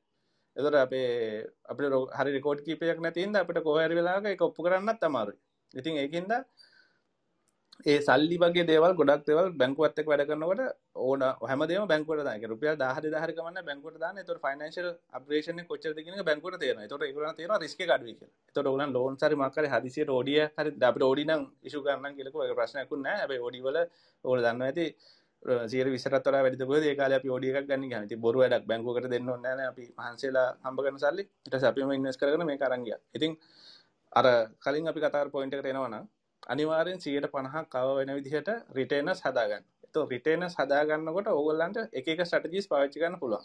අපේ කම්පනය අපි පාච්චි කර හොස්ටිං එකයි. ඩිජිටල් මීඩිය මේ මාකටින් කෙන කෑල්ලේ SCOන් සෝෂල් මීඩිය එලිපට් එකයි. එතොට අපි බැලවා ඒවතම අපි රෙකරින් එන තැන්. එහෙනම් අපි වෙබ් ප්‍රජෙක්වට ෆෝකස් කරන ගමන් මෙන්න මේරියායක අපිතම අපිට ඕන ලක්ෂ තුනක් කියලා. ලක්ෂ තුනක ශෝෂල් මීඩිය ස්ෝ වැඩටිකක් ගන්නවා කියලා අපි වෙබ් පැත් අර පැත්තිෙන් යනගම මේ පැත්තර ෆෝකස් කර ඉතින් ඒකෙන් අපිට සංජය කල්තින් ගෙන මේ එසියෝග මම එතකොට ඩිසයිනින් ඉදම් වෙබ් ප්‍රජෙක්සල්ට මාරුණා සංජය මාරුණා හරි බං එනම ටෙක්න කෑල බලන්න ම යන්න එසියෝ පැත් බලන්න කියලා ද සංජය SEO අලුතින් ඉගෙන ගත්තා. දැන් මේකත් අලුත් පොයින්ට් එකක් ඕගොල්ලන්. දැන් අපි නොදන්න ඒරියාස් ඉගෙන ගන්න ඕනේ අර ෆයිනෑන්ෂල් ස්ටැබිලිටි එක ගේන්න ඕන. ඒ වෙලාවට අර ස්ටැග්නේට් දැන් මම ඩිසයිනර් කෙනෙක්නේ. මේ මම මං කිව්වේ මගේ ආර්ට් එක තිබි ඩිසයින්. ඒතකොට ටෙක්නිකල් මට පේපර් ක්වොලිෆිකේෂන් එකක් නැහැ. හැබැයි ඒ කාලේ මම මැජෙන්ටෝ කන්සල්ටිං කරනවා. මැජෙන්ටෝ කියන්නේ ඒ කාලේ තිබ්බ most කම්බසම දැන්ට අදටත් ඒක කම්බසම් කම්බසම තියෙන සිස්ටම් එක. හරිද? හැබැයි ටෙක්නිකල් මුකුත් නැතුව මම ඩෙවලොපර්ස්ත් එක්ක වැඩ කරනවා. අන්තිමට මැජෙන්ටෝ තීම්ස් මම ලියන්න පටන් ගත්තා. ඉගෙන ගන්න. ඉතින් අර ඒ වගේ ශිෆ්ට් එක කරගන්න මම මේ මම මේ කැල කරන්නේ උඹලා ඔය කැල කරපල්ලා එහෙම ඉන්න අමාරුයි මේ බිස්නස් වල ඉස්සරහට එනවා නම්. ඉතින් ටට්ටක් ගහ රැපිඩ්ලි ඉගෙන ගන්න ඕනේ. ඒ SEO ඉගෙනගෙන සහ සෝෂල් මීඩියා එලිමන්ට් එක අපි ඕපන් කරපු හින්දා අපිට ඔය රිටේනර් කියන එක මාර හොඳ තැනකට අපිට ගේන්න පුළුවන්. හරි. ඉතින් ඒකෙන් මාර කම්පැනියකට අපිට ගොඩක් ලොකු ස්ටැබිලිටි එකක් ආවා මන්ත්ලි අපිට ෆයිනෑන්ෂල් ෆ්ලෝ එකට. කියන්නේ අපිට අලුතෙන් ප්‍රොජෙක්ට්ස් හොයාගන්න යන්න ඕනේ නැහැ. මේ ප්‍රොජෙක්් එකන අපිට හැම මාසම සීට පනහට හැපැත් අපි රිටන එකෙන් කවනොන් ඒකින්ද අනික ඒකෙන් වෙච්ච හොඳම හොඳේ අපි කරන ගමන් අපි අපේ වෙබ් එකටත් ඇසියෝ කර ඇති අදටත් අපේ ගත්තොත්තේම සියට තිහක් විතර අපේ නෙට්වක් එක අමතක් කරපු හාම අපිට ෝකින් කන්ස්ලමස් ලයින්න අපේ සියෝලිමට එක හොඳ හිද ඉතිං අර අලුත් පාත්තයකට අපේකෙන් ෆයිනන්ශල් ස්ටබිලිට දෙපැත්තකින් මුණ ඒවගේ ඇම්වලේම අලුත් ට්‍රෙන්ඩ ගත්ත එක්ක ඔගොල්ලො තිසරහට යන්න. රයිට් හොඳ ටිප්ස් ටිකක් එතනත් හම්බුණා. දැන් හතරයි පනස් නමය පහයි වෙලාවේ. කියන්නේ මම දැන් කිව්වන්නේ සේෂණ එකත් ඕපන් කරන්න මේක මම්ම කීපදන කිසල හැන්රේස් කරලා තිබුණා. කල්ලා එක කෑන්සල් කරා. නමුත්වාලට අවශ්‍යනං ආපව් හැන්රේස් කරන්න ඔන්න දැන් අවස්ථාව තියෙනවා. මම රංග පෙරේරට චාන්ස එක දෙන්නම්. ප්‍රශ්නයක් හරි අදසක් කර තියෙනවනම් ඉදිරිපත් කරන්න.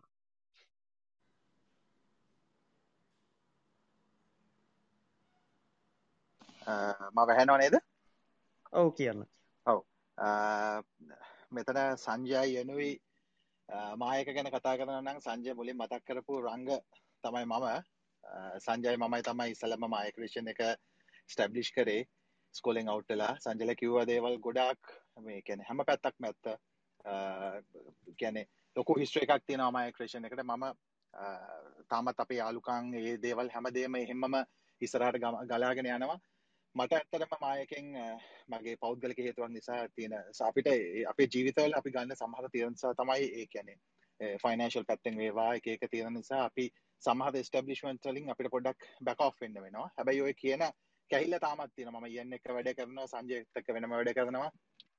ඇත්තරම මායක්‍රේෂන් එක අද තියෙන තැන ගැන පට්ට විදිහට බොක්කෙම සතුරෙන කෙනෙ තමයි මමත්. කැන ජීවිතේ මුලින්ම ඔන්ටපනශිප් ගැන මේ ව්‍යවසායගත්තය ගැන අපි මෙලෝ දෙයක් මෙලෝ හසරක දැනමක් නැතුව පටන් ගත්ත දෙයක් අද අවුදු පහලක් ඇතුල් ඇවිල්ල තියෙන ගමන අති විශිෂ්ටයි. ඒක මේ අරන්තියන එක්ස්පීරියන්ස් කන්දරාව වෙන කොයනත් අපට ජීවිතයට එකතු කර ගන්න බෑ. ඉතින් වැටිච්ච තැන් තියෙනවා සංජය යෙන් දෙන්නම කිව විදිහට ඒවගේ අපි එකට සතුරු වෙච්ච තැන් තියෙනවා. කොහොමරි ඇත්තර මං අවස්ථාවල්ල ගත්තේ සංජයට අයන්ටයි දෙන්නටම සුභ පතන්න. ඒ දෙන්න මේ ඇවිල්ල තියෙන ගමන අති විශිෂ්ටයි. තිං ඉදිරියටත් මේ විදිහටම සියලු වැඩ කටයුතු කරගෙන යන්න මාය ක්‍රේෂන් එක සහ ඊලනිින් යන ආයතන දෙකම ලංකාව තුළ ඒවා ලෝකය තුළ ඉස්සරහට යන්න ලැබෙන්න ශක්තිය දෛර්ය ලැබේවා කියනකම ප්‍රාථනා කරනවා. ස්තුතියි අදහස් දක්වන්න අවස්ථාවක් ලබාදුන්නට බොම ස්තුතියි රංග මේ ඇත්තනම කියන්න ඕන දේ තමයි මේ අවුරුදු පහලවක් විතර ඉඳං මේක කරන දෙයක් නිසා ඉයෙන් සඳහන් කර ඉස්සල්ලා අවුදු පහලකට කලින් මේ මයක්‍රේෂන්ස් පටන් ගත්තක ඉතිං එක එසේ මෙසේ කාලයක් නෙමයිනි. ලොකු දීර්ඝ කාලයක්. ඉතින් සෑහෙන් එක්ස්පිරියන්සස් ටිකක් එක්ක මෙතන ඉන්න. ඒ නිසාම තමයි අද මේ විශේෂම මේ ගැනත් කතා කරන්න සංජය සහ ඉයන් දෙන්න ඉදිරිපත් වනේ ඒ එක්ස්පිරියන්සස් සහ අලුතෙන් මේ පටන් ගන්නයට සපෝට්ටයක් වන. මොකද මට වනත් මේකින් ඉගෙනගන්න දේවල් තියෙන මත් මෙතන ඩිස්කශනෙන් ගොඩක් දේවල් ඉගෙන ගත්තා. ඉතින් ඒ එක්ස්පිරියන්ස් එක සෑහෙන වැදගත්. ඔයාට ඒවගේ මං ඔඩියන්සකෙන් පොඩි ප්‍රශ්නයක් අහන්නම්. මේ ඔයාලා වැඩ කරන ඉන්න දැම් මෙතන ව්‍යාපාර පටන් අරගෙන අය සමහර ඉන්නවා. ඒවගේම පටන් ගන්න බලාපොරොත්තුවෙන් ඉන්න ඉන්න එතකොට ඔයාලා මේ ජීවනකේදී මුහුණ දීපු චලෙන්ජස් මොනවද? ගැටලු මොනවාද? ඔයාලා මුහුණ දීපු බාධාවල් මොනවාද? අන්න ඒවා ගැන මම අහන්නේ වලට පුළුවන් මෙතැන්ට ඉදිරිපත් වෙලා ඒ ගැන කතා කරන්න. ඔයාලට ඒ ප්‍රශ්නවලට විසඳුම් මෙහෙමත් අපිට මේ ඩිස්කශන එක අතරතුරේදී කතාබා කරන්න පුළුව රයිට ඒත් එක දිලංක සංජයරමං අවස්ථාව දෙනවා ඊළඟට කතා කරන්න. තැංක ශයි සංජය කතාරයි යන්න කතාර මේ මාර්දවටික මාතිගෙන ගත්තා ඉති මාත් පොඩ්ඩ මේ එක්ස්පියන්ස එක ෂයා කරන්න සංජයගේම තම එක්ස්පිනස එකම වැඩි ලාගන්නතු නඩිදීමගේ කියන්න කියන්න කිය මගේ දවට අරදන කරන්න කියන්න කවද එදා කියන්න නිදෑන ඒවා මට ඇතර මේකත් මතක් වුණ එදා කියන්න ඉන්න නිසා මේ අද කියනවා කිය නිතාරම හිතීර මේ හරි මං කියන මොලිම මෙහෙමයි සංජයලාවගේ මාතරිච්චමිනිය හොඳටම. ඇතවට මම සමන ඉපදුනේ හොඳට මැටි ගහපු ගෙතරක දුපත්ම විදිහම ඉපදුනේ. ඉපදිලා දෙදස් දහතුනේ තමන් ඕලල් කරන්නේ. ඕලල් කරලා මගේ පලවෙනි ඩිප්ලෝමයක මම ඒගන මයි දසල මාරුති රයිටවලට කැමති ඒගන මම මේ ගම ස්කෝල ගිහිල්ලා නගරිස් කොලටගේ හය පන්තේදී ඊට පස්සේ එහෙ දීන කැම්පිට එක ඔබල මම දුවනොය කාලි. ඒගැන හතේ පන්තිද අටේ පන්තිදර මොකද කළ බයයි. ඊට පස්සේ නමේ දී හයිදම ස්කව් කර. ඒ කාලි තම ම කැම්පිට එකකින් මේ ලියම ටයි් කරන හෙම ඉගෙන අතේකත් මේ හොරෙන් බොරු කියලහෙම පන්තිවල බොරු කියලහෙම හිල්ල ඉගෙන ගත හොමරි ඉගෙනගෙන මේ ඕල ලිවරච්චකවම්ම මට ඔන්නනම් මේ උනහරි කරන්න. එතකොට ඇතරම් සල්ලිනය අපිට. ඉතින් මේ අම්මගේ මාලයකු ගස් තියලා පලින් ඩිප්ලොමක් කර මම. මේ ඩිප්ලොමක්න එන්විකලල් ෆෝය කර ්‍රෆි ඩිසයින් එක් කරන ගම මං හිමම කමිනිකේෂන් හි වැඩ කර. දෙස් දහතුන එකෙන අෆ්ටෝලල් වැඩ කරා කමිනිකේෂන රුපිය පන්දහක් තමා සැලරීක ඉරිවාසේ පන්ද හදස් පන්සකුණ මාසහය මසායක්මන් කර. අන්තිමේදි හදස් පන්ස කම්බුණ කොමරි අම්මගේ මේ මේක බේරගත්තම මේ. මාස තුනක් වගේ අද්දී මං බේරගත්තා. ඒ ගම්ම දීපු ගාන දීලා මේ මාලට ඒ ගාන බේරගත්ත මාල. ඉරවස්මන් කෝස්සකත් කරා. කරලිගනට පස්සේ ඒද කාලේ නියාව ඔන්ලයින් එක ඇටලික් කන්නේ හොයනවා. එකකව ලික් කරන ඒ හොය නම්මකත් මට පොඩි කම්පිට එකක් තිබුණ. මට මත විදයට ඩුවල් කෝ එක තිබුන්නේ ඉතින් මේ ඒකෙන් හම ඩොංගලයක් ගල මෙහ සිගනල් නමන්නේ රත්නපර. රත්නපර දනොත් කිලමිට ස්පාහකතර ඇතුළ ගමකින්නේ ඉති ම මෙහ පුළුවන්තරන් ටික් මේ වනද ඩොංගල්ලයක් ඒක තිබුණේ. අපේ හලුඩ හලුඩ තව ලියක් ම ගැට හලා හෙන උඩ තිබුණ. මේ මීර දහයවිතර කේබල්ල එකක්දාලා ඒකට තව එක්ස්ටේෂන් මීට පහක් කේබල්ල අදාලා තමයි ඉන්ටෙට් පාචිකර ඉති එහෙම පාච්චි කල තමයි මේ ඉන්ටෙට් ඉන්ටෙට් එහෙමගේ ඉට පස්සේ කොමරි ඒලල් මං කරා බයෝලින්. මේ වගේ මටත් සංචයල් වගේ යුනිසිටියාව යුනිසිටියාව මට පිසික සයින්ස් රුහුණේ. මයිලල් බයෝ කරේ. ඉට පස්සේ ඇතරම කැම්පස් ගියනෑ මට කැම්පසර එකට එක එකම ආසනෑ අනිත්තක කැම්පස් යනවා හිල්ලා අවුරුදු හතර පහක් ඉන්නවා කියන මට ඇතරම හරි අමාරුයි. මොකද ගෙදර බිච් සිටුවේෂන් ඇත එක හරි අමාරුයි. ඉටවස් මම කර වැඩේ මේ මං ගයා සො ලංකාක මේ එඩිකේෂන් ඉස්ටේට් එක සොෆ්ට engineering ඩිප්ලෝම කරන්න. ඩිප්ලෝය කරන්න ගිහිල්ලා ඩිප්ලෝම කරලා ඉවරුණාට පස්සේ මාස හයයි. එතකට මට ඉගැන්වේ සමන් මටඩිය අවුරුද්දක් වගේ ඩිමල් ලයගෙන මම ඉගෙන් දෙයස් දාසේ එතකොට ඉට පස් දාසේ අන්තිම දාහත මුල වගේ. එතකොට මේ දැන් මට එතනින් හට වැඩ කරගන්න ඕනි. හැබයි මට සීශාප් පුළුවන් අයිදස්ට මොකද ඒ ඉන්ස්ටේටගේ වැඩිපුරම කරේ සීශාප් ඒ දවසල ලිපලම තිබුණ තනිකරම සීශාප් විතරයි. ඉති සීශා පොලින් ඔන්න සිස්ටම් හැදවා මේ පොස් සිිස්ටම් හදල ගියා මේ කඩවලට දාන්න. රත්නපුරේම කඩවලට මගහින් කතාරම හ සිස්ටම් ඇතින අර්ම බිල්දා ගන්න පුලම හෙම කියලොන්න ගිය. ගිහිල්ල කඩවල් පහකට ඉතර කතාගල පහක් පොසිට වුණ. ඒගන පස් දෙනෙක් කැමතිුණ කරන්න. ඕකෙන් දැම්මට පස්සේ තුන්දනීමට බැන්න. එයාල සිිස්ට මවල් ගියා වැඩ කරන්න කෝල්සිනවා සාතර රෑ දහට නම් දහට කොහට කෝල්සන උදේ පාන්දර කෝල්ලෙන මේ කම්පිටගේ වෑරගත් කරන කෝල්ලෙන ඔයගේ කොමර තුන්දනෙ හොඳර බෙන්න්න හැයි මසල්ලි තරගෙන කොමරි බැන්න මේ වැඩ කරන්න නෑ කියල. දෙන්න එක කොහමරි ඒකම සිිස්ටම් එක දෙන්න කොහමරි හොඳරම හොඳයි කියලා කිවෝ හොම ඊට පස්සේ දැන් දස් දා හතේ විතර විද්‍ය ම ඕකත් කරන්නකම ඊට පස් මට මේ මේ එචෙන්ඩි කරන්න ඕනවා මේකින් හයිනශන් ලිප්ලාම එක. ඒකත්ම ප්‍රයිට ඉන්ස්ටට කර. ඒකට සල්ලිහගන්න තමයි සිස්ටම් කන්නඩ කර. එතට මට එකින් ඒකෙන් සිස්ටම්ලින් සාමාන්‍ය මට බේසික් සාමනය ආදායම කම්බුණා ඉටස් මංකර වැඩි මේ එච්චන්ඩිය පටන් ගත්තා. පටන් අරන් මොකද මට අයින්කම්ම එකපයි මාරකල්වල්ටිකින් මේ සිස්ටම් දාදී බැනපු හින්ද මං වෙන්න. හොඳටම වෙන්න. වෙන්නට පස්සේ ඒකන මේ වගරලා හරියන්න මේ බැනුම් හන මට අර ඒවච්චර පුරුදුන ඉට පස්සේ මේ වැඩ කරන්න තු හිටිය කාලයක්. ඉටස් මම ගියා ලංකායි ෆයිනස් කම්පනි එක මාර්කටින් ඔෆිස කෙනෙක් විදිට ඒ අද්දි ඒකද ඊට පස් දෙමං උදයාට යන හවස පහහය හත සමරලාට රෑට නමේලා ඉදරෙද්දි මාර්කටින් කරේ. ලීසින් කම්පනි එක. ඉතින් මේ අවුරුද්ධ වැඩ කර. දෙස් දහට වෙනක ඔය වැඩ කරගෙන ඉති මේ දෙස් දාහතේ මැද වගේ මයිචන්ඩි කත් කරන්න ඒ කාලේ. ඒ කාලි කරන ගම මේ දෙස් දාහතේ අන්තිම වගේ වෙද්දි. තවරම චෙන්ඩිගත් කරන්න චෙන්ඩිගත් කරන ගමන් ඊට පස්සේ කොහමරි ෆෙස්බුක් පේජ්ජක්කම හදාගෙන එදසල් නිගම මේ බෙස් ්‍රිප් ලංකාහම කියලහෙම දාලා වෙබ්සයිට් හෙම හදන්න එක එක ඇඩ්දාලා කොමරි වැඩ දෙක තුනක් කාව ඉටවස් දැ මට ඇතන වෙබ්සයිට් වෙබ් හදනගෙන නොලෙජන්නේ ඉටස් මංගර වැඩේ මගේ මත් මට අර ඩිපලමයිකු ගන්න ලෙක්ෂේකනම ටඩ අවරුදයකටම ලයගෙන කිට යර කතාර අය මේ මර මේ වගේට ලතින අපි දෙන ගමුද කියලා. රසන් අපි දෙන්නත කරන්න පටන්ගත්ත වැඩටික වැටි කරන්නරන් දෙදස් දහට දහටයි මුල වගේ හොඳටම අපිට මේ ප්‍රජෙට් තිබ්බ. ඊට පස්සේ මේ දැන් මට තව ගවමට එක ප්‍රජෙට්ටා කම්බුණ ඒකත් මේ අර අපේ මං ලීසින් ඇද දැම්ම ගවමට එක ඔෆිස කෙනෙට තර යා තම මට එක සෙට් කර. ඒවුනට මට ගණඩ බෑ මට බිස්නස් රේස්ටේෂන කොන එතවට දෙස් දහට පෙබරවාරි මස්සම ම මගේ මේ පලෙන් බිස්නස රේෂ්ට කරේ. සොෆ්ට කම්පනයක් දිට තනි පුද්ජල ව්‍යාපාරක දිර රේෂ්ට කර. ඊට පස්සේ අරයිත් මේ එයාගේ ජොබ්බෙන් තයින් වෙලා මාතක එක දිග වැඩ කර. වැඩ කරලා දැ මත් මගේ ජොබ්බේ ඉතින් ජොබ්බ අත්තක මටම කරගෙන බැරි නිසා මංකර වැඩේ අප්‍රිල් මාස වගේ මං ජොබ්බෙන් අයින් වුණා. ජොබ්බෙන් අයින් වෙලා හොඳ වැඩි කියන්න අයින් වෙච්ච අංගලා මාසක් කියන මට කිසිම වැඩ කාරන කිසිම ප්‍රජෙට්ක් කාන ඊට පසර ගවමන් සිස්ටම හදල් දුන්න. තින පස කිසිම ප්‍රජෙට්ක් කාන අර මාර්තක වැඩ කරපයිත් අධ්‍යා මේ පන්න පිටිය ඇන්ඩරඩල පගෙනෙක් විදිර ජොබ්බේට ඉටවස්ද ම එච්චෙන්ඩිගන්න අයත් ඒ දවසල එච්චෙන්ඩිගන්න කිසි ආදායවන්න මුකුත්න හැවම අර මංක ෆයිනස් කම්පනකින් මං අයින් වෙද්දි සාමානය අසුදහක්තරම සැල්ි ගත්ත.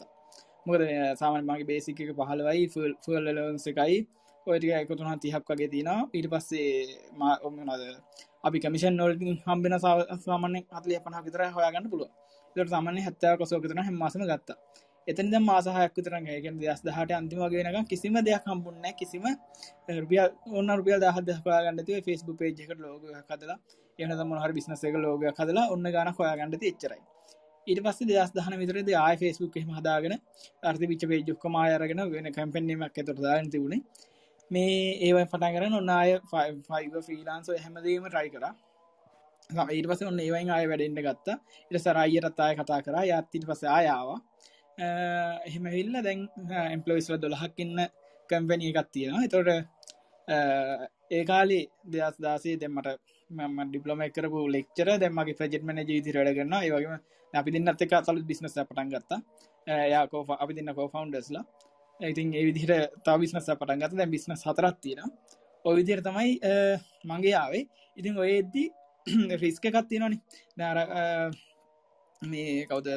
අපේ මේ සංජයවා මේ ප්‍රශයකයි ඒටස ඔල්ටනටව සොලුෂන් සොලුෂන් හොන කියලා ඒවෙලාට ප්‍රශය හැදෙති ඉතින් අර මේ අර මට මාසායක වැහන්නන මම. ඒවෙලා මම හිතුව මට මේක ඇතරම කරන්න බැහ කියලා. ඉටවස ම හෙව තාව මොනදමට කරන්න පුළොන් කියලා. ඊට පසේ වගේම මේ දහන මේ අන්තිම වගේ වෙද්දිත් මේ සමහරලට වැඩන මොකද අපි සවිස් බේන අපි රිකරින් පේමටක් එන්න මුකුත්නෑ අපිට මේ ඒක සමහර මාසල්ට හොඳ ලක්ෂ දෙක තුන හරි ලක්ෂ දහය විතර එනකම් වෙලා තින සමහල්ලාට ඊටතර මේ පොඩි රුපියල් දාහයි පාලස් දහ කලාට වෙලාවලුත් තින තින් ඒක නිසා මේ හෙව්ව තව තව දේව එතකොට මට තව ඇප හම්බුනා මගේ රිසයිට් කරවරුදු එකමාරකතර එඩුකේෂන් ෆිල්ඩ ගෙනම ඊවස් මට ඇප හදන්න පුළන් වුණා. ඉතින් ඒක දැන් ලංඟා හොඳ මිස්ටාට අප එකක් විදිහට තේරෙනවා ඉතින් ඒ විදිහට අර ප්‍රශයක මනේජ් කරගන්න වගේ රිස්ක එක මනේජ් කරගන්න ම ෝල්ටේට සොලුෂන් මාතෙවා හැබැයි එක මට හරිගිය මට ඒ සොලුෂන් එක හරිගිය ඒක මගේ තව ඒකම වෙන බිස්නසකද රජිස්ට කල දැන් කරගෙන යන එක ඉතින් ඕක තම මගේ සිසි එක. ඉතින් හොඳම හොඳම ව්‍යසායක වෙන්නත් පුළුවන් වුණා මේ ලංකාවේ. ඕක තමයි ස්ටෝරීක සංජයි හරිනිද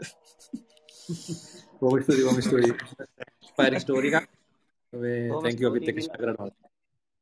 රංග කෙනත් පොඩක් කියන්න. මේ දැන් රංග වෙනම එයාගේ ලංකාවේ ලීඩිං චේන් එක බ්‍රන්ඩිං මැනජ කෙනෙක් වැඩ කරනවා. ඉතින් එයත් අනාගතයේදී උකලන්ට ක්ලබ් එක විවිධ බ්‍රන්ඩිං පැත්තේ ලොකු දනුමත් තියෙන කෙනෙක්.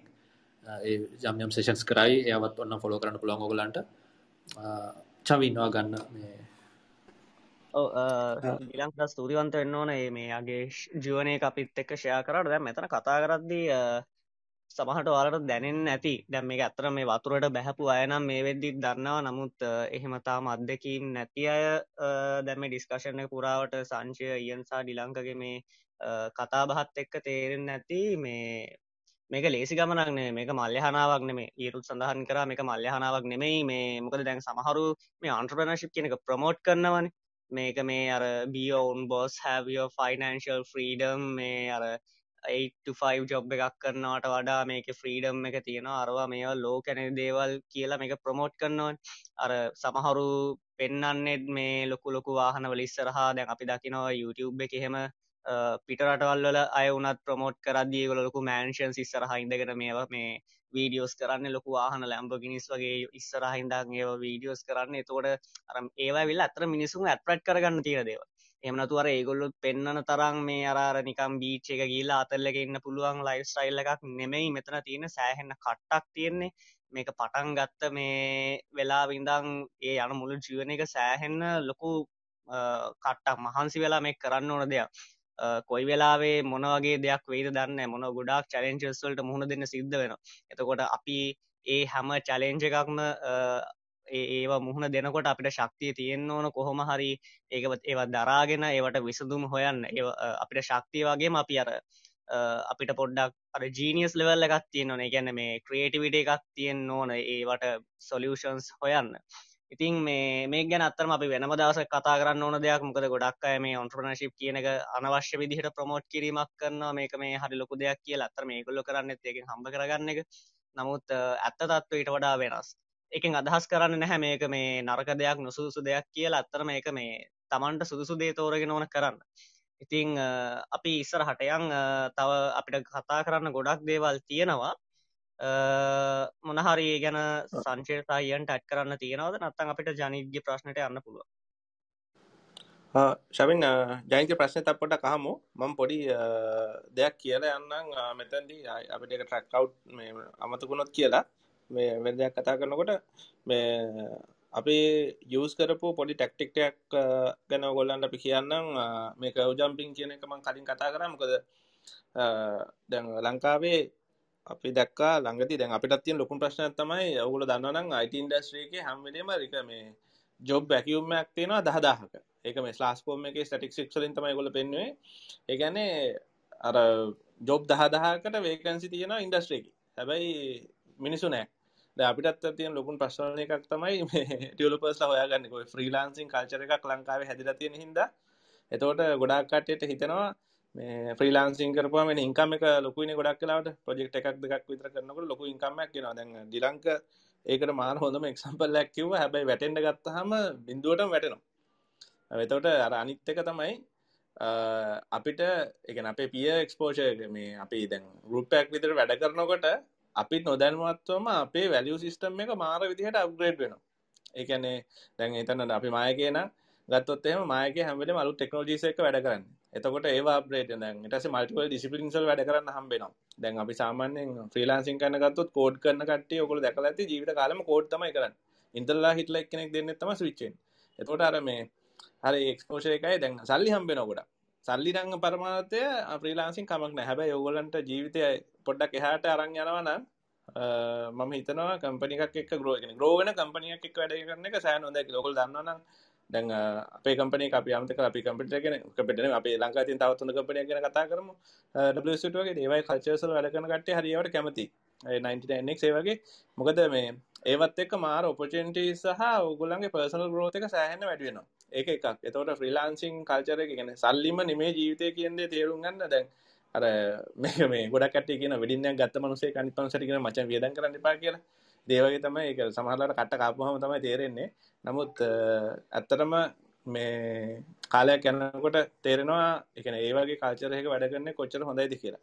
හරි කීපින් බිසයිද ෆැක්් අපි ගත්තොත් දැන් අපි මායකෙන කම්පනි එක ගත්තොත් අපි වෙබ්සයිට් හදන්න පටන්ගත්තේ අපි අත්තරම ඔය රුපියල් දහදහ පාලොස් දාහ වෙබ්බට නම් අපි ගියම නැහැ. මේ අපි එටයක් හොඳට එක අපිට පොට මොලි පැදිලා අපපු ගාලින්ද මොකද කවදක්වත් ඉන්ඩස්ට්‍රේකේ ප්‍රයිස් අන්ඩකට් කරන්න එපා. එහෙම කොරොත් අපි මේ එකන පුද්ගල විදිහට මේ මුළු ඉන්ඩස්ට්‍රයක් විදිහටම අපි වැටෙනවා. ඉටස් දැන් ඔගුල දන්නවනම් මේ ලංකාව ලොකම චේන්ද ඇතු පිසාහත්තු ඩොමිනෝස් එගොල්ලොත් ඩිස්කවන්් ෙන්ඩ කියල ගොල්ලොත් ගොඩක් කියලා බ්‍රන්් එකම සෞතුගත ඩිස්කවන්ටක් නත්තන් එකන කොච්චර යනද කියනනම් පිසාටයට ඩෙමනෝසට මුලි මහ ඩිස්කවන්් තිනදක ඒ කල්චරකට වැටන ගොල ඊට පස්සේ ෆොටෝග්‍රෆි කියන ඉන්ඩස්ට්‍රේක් ගත්තොත් ඔය ගොඩාක් මේ ඇමචලව ෆොටෝග්‍රෆස්ලා හොඳ කැමරාවකින් ෆොට මොද කැමරාව තියන කොටිකින් ඇතරම කරලා ෆොටෝස් කාලා ප්‍රයිස් අන්ඩකටලා මුට ඉන්ඩස්ට්‍රිකම ගොඩා කලාට පල් හැටගෙනාව එකන ඇත්තරම සාමාන්‍ය ලක්ෂයක් ගන්න ඕන වැඩකට රුපිය විසිධර තිස්ධර කරලා ඉන්ඩස්ට්‍රික පල් හැටගෙනාව ඉති ඒවගේ වෙබ් ඉන්ඩස්ට්‍රේකෙත් වෙබ් කියන් අයිටම ඉන්ඩස්ට්‍රේකෙත් අපි ඔයදේ දැන් මේ වෙනකොට දකිනවා. ගොඩක් කලාවට ෆ්‍රීලාන් සහ ස්මෝල් කට් කම්පනීස් ලොකු ගැන මම මේ මගේ යනිසිටි කර ප්‍රසන්ටේෂන් වලට ම දාගනන්න හතරක් පහක්. ඒක තින රුපියල් පන්දහට වෙබ්සයිට්යකු තදර ඩොමයින් එකක් දිලා හොස්ටින් දිල ඔක්කම කරනවා. ටස මේ අපි තින්නලා සමහට විලුවට ඒවයි කටියට කතා කරනවා. කතා කල මෙම අප වෙබ්සාගයක් තියන මොක දැන් මයා වගේ කම්පනයකට වනත් ලාබයි අරවගේ මනස රුපය පන්හත් දිල කරන්න මේ බේසික් වැට්ටෙක් ඉතින් ඒවගේ ඉතින් විරුවට නමුත් කතාකරුවම තේරන කිසිම සබස්ටම්සය නෑ කොහෙ තීම්ස් දායකිත ඩවන්ලෝඩ් කරගන්නවා මේ එන්වාට එක හරි කොහැර එක දාලා දෙන එක තමයි කරන්න. හර ඉතින් ඕගොල්ලොත් ස්ටාට එකන හැම්වෙලේම ප්‍රයිස් එක කියන එක ඕගලගේ ඩිෆරන්ශේෂන විදිර තියාගන්න එපා. එහෙම කොරොත් ලෝන්ටර්ම් කිසිම සස්ටේන පිටියක් නෑ මම එකනේ වගකීමෙන් කියන්න සියට සියක් අනිවාරෙන් ෆෙල්ලෙන මොද ප්‍රයිස් එකත කම්පිට කරන්න බෑ. ඔයාට වඩා අඩුවෙන් දෙන කෙනෙක් අනිවාරය මාගට්ට නවම තමයි. මොකද මෙන්ටල්ට එකත් එක් හර එතකොට කොහම අපි වැලුව එකින් අප්‍රේඩ් කරගන්න? කියන ගැන අපි කතා කරමු. දැන් අපි ඇත්තටම අපේ ස්ටන්ඩඩ් මෙෂමන්ටක් විදර අපි තියාගත්තා. විසි දෙදස් පන්සේ මට ඇතන විය මතක නෑ නමුත්ම මට මතක අපි පටන්ගත් එතනින් කියලා. අපි ඔය පොඩිපොඩි වෙබ්ස් කරගෙන මේ දොස් දාහහි පාලොස් දාහම කර කර කරන ඇවිල්ලා අපි එක තැනගති තියරණය කර නෑ අපි විසි දෙදහම පන්දහට වෙබ් සඩුවට කරන්නෙම නෑ කියල. එතකොට ඒ විසි දෙදස් පන්සිට ප්‍රශ්නයක් ඒ විසි දහ කියන්න කොයි කාලද? සංජය කොයි කාලයගේ ජස් දොල නෑ ඊට කලින්. දහය දහය දහය දහය රැස් දායකරනේ ඕ දහ වගේ. හරිද?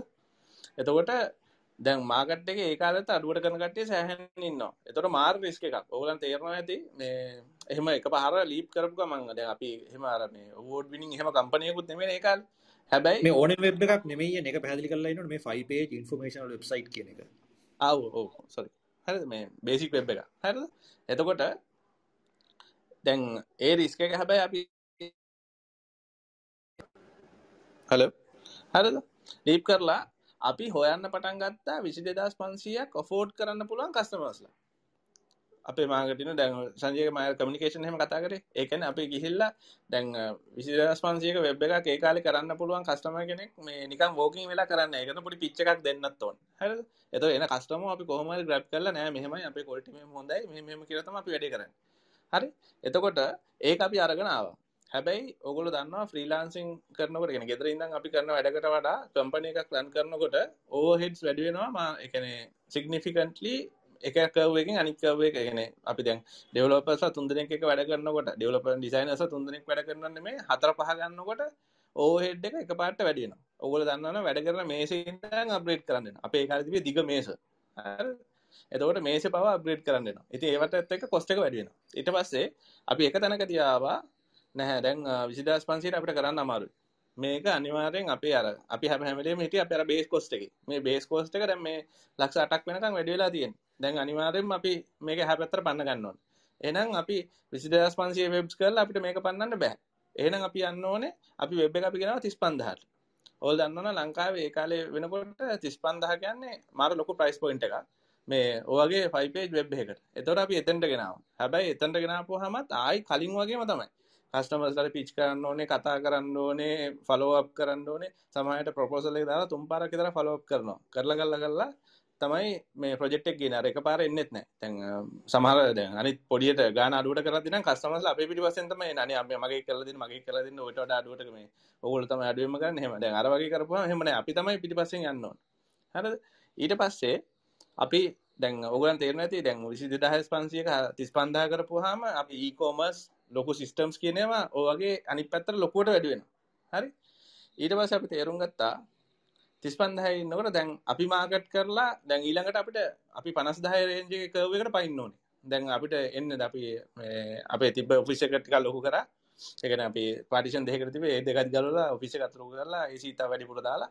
එතට දැන් ඔන්න ලොකට පස අපට තේරන දැන් මේකට කරන්න බෑ. අනිවාරෙන් බේස් වෙබ් ම බේසික් වෙබ් කිය තියන ඔගලන්නත් බෙන්ච්මක් කරගන්න. එතකොට ඒක පනස් දහකටවත් කරන්න ඕන්. හරි.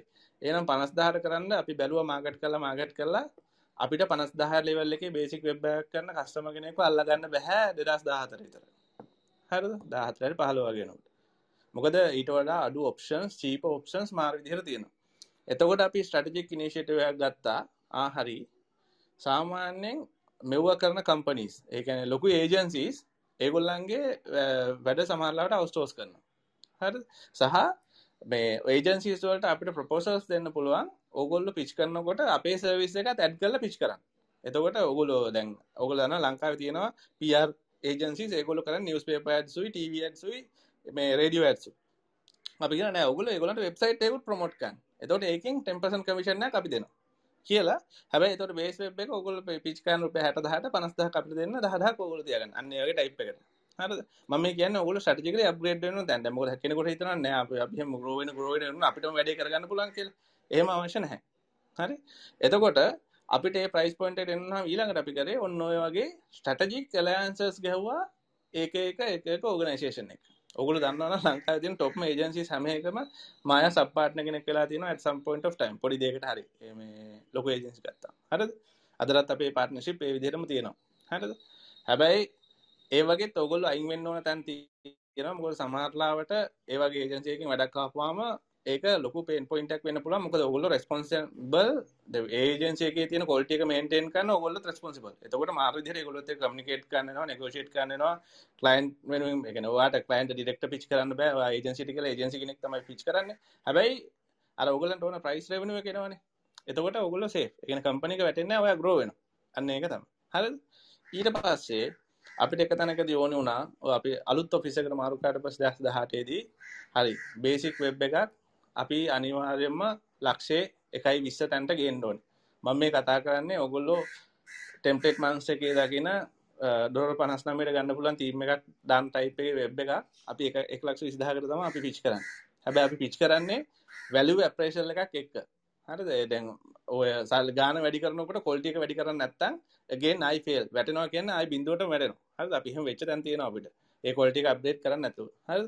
එතකොට එකයි විෂය වෙනවා නම් අපි වෙනම සර්විස් එකක් ඒගොල්ලන්ට වෙනම දෙන්න ඕනේ. ඒගොල්ලොත් එක ෆලෝ අප් කරන්න ඕනේ ටෙම්ප්ලේට් මේ දැන් අපි ඉස්සර 22500 වෙබ් එක කරනකොට අපි යවන්නේ හෝම් පේජ් එකයි කන්ටැක්ට් අස් පේජ් එකකුයි කන්ටෙන්ට් පේජ් එකකුයි විතරයි. හරිද? 22500 35000 50000 වෙබ් වල. හැබැයි 120000 වෙබ් එකට එනවා නම් ඕගොල්ලන්ට ඇටලිස් ටෙම්පලේට්ස් පහක්වත් හදන්න වෙනවා. ඒ කියන්නේ about us page එක කොහොමද වෙන්නේ, services page එක කොහොමද වෙන්නේ, ඒක ගිහිල්ලා ප්‍රසන්ට් කරන්න වෙනවා. හැබැයි මේ value එක කමක් නැහැ. මොකද ඕගොල්ලන්ට ඕන ඉන්කම් එක අනිත් පැත්තට එන හින්දා. එතකොට 120 වෙබ්ස් වලට යනකොට අපිට ඕනේ වුණා අපේ බ්‍රෑන්ඩ් එකත් එක්ක එලිවේටඩ් පික්චර්ස් වලට යන්න ඒ එකක් ප්ලස් අපිට තේරුම් ගත්තා ස්පෙෂලි ඔය සහරන්ගේ ප්‍රහාරයෙන් පස්සේ සහ කොරෝනා හැමදේත් එක්කම අපිට තේරුණා ලංකාවේ මාකට් එක අපිට මදි අපිට ඕන ලෙවල් එකට යන්න කියලා. අපි මැජෙන්ටෝ වෙබ් එකකට ලංකාවේ 1.5 වලින් උඩට දාපු ගමන් කස්ටමර්ස් ස්ටැග්නේට් වෙනවා.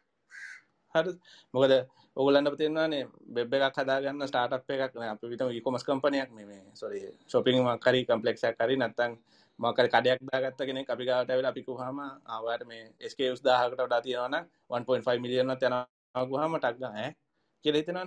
එතකොට ඒ ඈ කියලා හිතනවා කියන්නේ ඕගොල්ලන්ගේ වැරද්දක් නෙමෙයි. ඕගොල්ලන්ට ඒ ක්වොලිටි එක සහ ඒ සර්විස් එක ඩිලිවර් කරන්න ඕගොල්ලෝ හදා ගන්න තියෙන මාකට් එක නෙමෙයි ඒ මාකට් එක. ඒකින් අපි ඊළඟට ලීප් කරා ඕගොල්ලෝ දන්නවද දන්නේ නැහැ සමහරට සංජය කතා කරන ඉන්න ගොඩක් වෙලාවට දන්නවා ඇති අපි ගිය අවුරුද්දේ ලොකු ස්ටෙප් එකක් තිබ්බා මායක UK වල රෙජිස්ටර් කරන්න. එතකොට කම්පැනි එකක් UK රෙජිස්ටර් කරනවා කියන්නේ වෙනම කලාවක්. හැබැයි ඒ කලාව හොයාගන්න ඕනේ කොහොමද කරන්න කියලා. දැන් අපිට ලන්ඩන් කියන්නේ UK state registered Maya Hive කියලා අපේම group company එකක් එහෙ තියෙනවා. එතකොට ඇත්තටම එහෙ බේස් වෙබ් එකකට පවුන් 600 700 කියන්නේ ඒගොල්ලන්ගේ බේස් ප්‍රයිස් එක. ඒ කියන්නේ මේ බේස් කියන්නේ නිකන් කතා කරන්නත් ඒ ගන්න ගන්න. එතකොට පවුන් 2000 දෙදහක් දෙදස් පන්සියක් වගේ යනවා සාමාන්‍ය ස්ටන්ඩ් කොල්ටි වෙබ් එක. ඉතින් ඊට වඩා අඩු ගණනකට අපිට මේවා කරන්න පුළුවන්. ඒතකොට අපේ ප්‍රයිස් පොයින්ට් එකටත් හරියටම ඇවිල්ලා.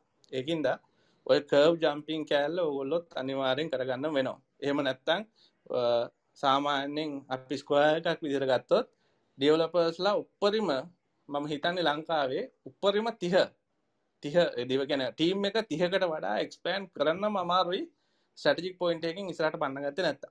ඉතින් ඒක මොන මොන දේ ඒරියා වලින්ද ඔයගොල්ලෝ කරන්න ඕනේ කියන එක ඔයගොල්ලෝ ඩිසයිඩ් කරන්න අපි ආවේ මේ පාත් එකේ. ඉතින් එකම දෙයකට ස්ටක් වෙලා ඉන්න එපා. ප්‍රයිස් අන්ඩර්කට් කරන්න එපා. ඕගොල්ලන්ට වැඩිපුර ප්‍රයිස් එකක් ඕන නම් හරි මාකට් එක තෝරගෙන මාකට් එකට පිච් කරන්න පටන් ගන්න. ඒක තමයි කී එක. හරි එතන ගොඩක් හොඳ අදහස් ටිකක් ඉදිරිපත් කර අපි යම් තැනකින් පටන් අරන් ටික ටික ඉම්ප්‍රූව් වෙන ගමන් කොහොමද කියන්නේ ඉදිරි ලෙවල්ස් වලට උඩ තියෙන ලෙවල්ස් වලට ටික ටික යන්නේ කොහොමද අපේ ප්‍රයිසිං ඉම්ප්‍රූව් කරන ගමන් අපි ටාගට් ඔඩියන්ස් එක පවා වෙනස් කරන ගමන් උඩට යද්දී අපිට ස්ට්‍රැටජිස් පවා වෙනස් කරන්න සිද්ධ වෙනවා. අපිට අපි රීච් කරන කවුද කියන එක පවා අපිට පොඩ්ඩක් බලන්න වෙනස් විදිහකට බලන්න සිද්ධ වෙනවා. ඉතින් ඒ වගේ ගොඩක් දේවල් ලියන්න එතනදී සඳහන් කරා. මේ ගැන තා ප්‍රශ්නටයකුත් තියෙන ඉදිරිපත් කර නමුත් එකට කලින් අපි ජනිත යමු. මේ ජනිත් මොනවද තියෙන්නේ ඉදිරිපත් කරන්න ඕකේ ෂෝ uh, මං ඇත්තරම දැන් ස්ටේජ්ජකට ආවේ ඉස්සෙල්ල දැන් uh, ශවීන් uh, අහපු ප්‍රශ්නයට එකන ඕඩියන්ස එකෙන් අහපු ප්‍රශ්නයට පොඩි කන්ට්‍රිබියෂන් ඇක් කරන්න. ශවින් ඇහුවනේ කැන්නේ අපි එකන දැනට බිස්නසස් කරන් යන්න කට්ටිය මුහුණ දීපු ප්‍රශ්නන් හෙම මොනර්ජය තියන මෙන්ෂන් කරන කියලා. So basically ඇත්තර මාත් පර්සනලි ඔන්ට ඔන්ටපනශිප් දකින්නේ අර ෆේලියස් සීරිසක් විදිහට. ඒකන අපි මුලින් දෙයක් ෆෙල් ෆෙල් වෙන කරලා ඊට පස්සේකින් දෙයක් ඉගෙන ගන්නවා. ආයි තව කොහෙන් හරි පොඩ්ඩක් ෆෙල් වෙනවා. ඔහොම ජනයක් බේසිකලි මං ටිකක් කල් එකන්නේ එකන්නේ එක තැනකදි ෆෙල්ලලා ටිකක් කල් රැඳිලා හිටපු තැනක් විදිහට මං මෙන්ෂන් කරන්න කැමති අපේ බිස්නස් එක එක්ස්පෑන්් කරන එක බේසිකල එකන දැන් අපි ගත්තො දැන් මන්දකින විදිහට දැන් ඔන්ටප්‍රනශි පටන්ගන්න ගොඩක් අයට මොක්කර ප්‍රඩක්ටයක් මේ හදන් හරි සර්විස එකක් දෙන්න හරි අන්න ඒදේ පුළුවන් මේ හොඳට කරන්න. බට් මං පර්සනලි එකන්නේ අපේ ටීම් එක ස්ට්‍රගල් කරපු තැනත් තමයි දැන් අපි ඒ කරන දේ හරියට ඩෙලිගේට් කරලා කට්ටිය හය කරලා කොයි වෙලාවටද අපේ ගරාජකින් මූවට් වෙන්න කියලා හිතල අන්න අන්න ඒ ප්‍රොසෙස් බේසිකලි බිස් බිස්නස් එක ස්කේල් කිරීම ඒක ගැන පොඩ්ඩක් සංජය අයටයි ඉන්නයට පොඩ්ඩක් තව කියන්න මෙහ මන්දන්න ඔගුල්ලු දැන් පොඩ්ඩ පොඩ්ඩ ඒක ගැන කිව්වා. But uh, I think uh, it would be really good if if if you could uh, speak a bit more about that. Yeah, oh, thank you. ස්තුතියි ජනිත්. එකට සංජයට සහයන්ට මොනාද අදහස් ඉදිරිපත් කරන්න පුළුවන් ඒ ගැන? ජනිත පොඩ්ඩ මට බ්‍රේක් වුණ අන්තිමටිගේ ඇහුවෙන් ගරජකින් මව් වෙනකොට පොඩ්ඩක් පොඩ්ඩක් අයි පැදිලි කරනවා ඕ ඒක සංජය මන්දකින මෙහෙම මං මං පර්සනලි එක ටුවසට්නෙක්ස්ටන්ඩ මං එක ෆිගරව් කරගත්තා. ඒත් මන්දකින්නේ ඔගුලොන්ට ඕඩියන්සිට කියන්න පුළුවන් හොඳයි අර අර එකන්නේ අපි අපි මුලින්ම එකන්නේ ෆෞන්ඩිං ටීම් එක වැඩක් කරාට පස්සේ ඊට පස්සේ හය කරලා තමන්ගේ ගරාජ්ජකෙන් එලියට ඇවිල්ලා පලේස් එකන්න ඔෆිස් එකක් දාගෙන මිනිස්සු හය කරලා අන්න ඒ ප්‍රෝසෙස් එක දිහා කොයි කොයි කොයි විදිහට බලන්න? බේසිකලි බිස්නස් එක ස්කේල් ස්කේල් කරද්දි ඒක දිහා කොයි කොයි කොයි විදිහද බලන්න ඕන කෙනෙක් ඕකේ ඔව ඒක මෙහෙමයි. දැන් අපිත් පටන් ගත්තේ ඇත්තටම මගේ ගෙදර ඉස්සරහා කාමරේ පටන් ගත්තේ. මොකද මගේ අයිලා දෙන්න අයිලා දෙන්න බුලෝ කසාද බඳලා ගියාට පස්සේ ඉස්සරහා කාමරේ ඉස්සර එතන තමයි පටන් ගත්තේ මැෂින්ස් තුන දෙකකින් මගේ Pentium 2 එක 298 විතර ගත්ත එකක්.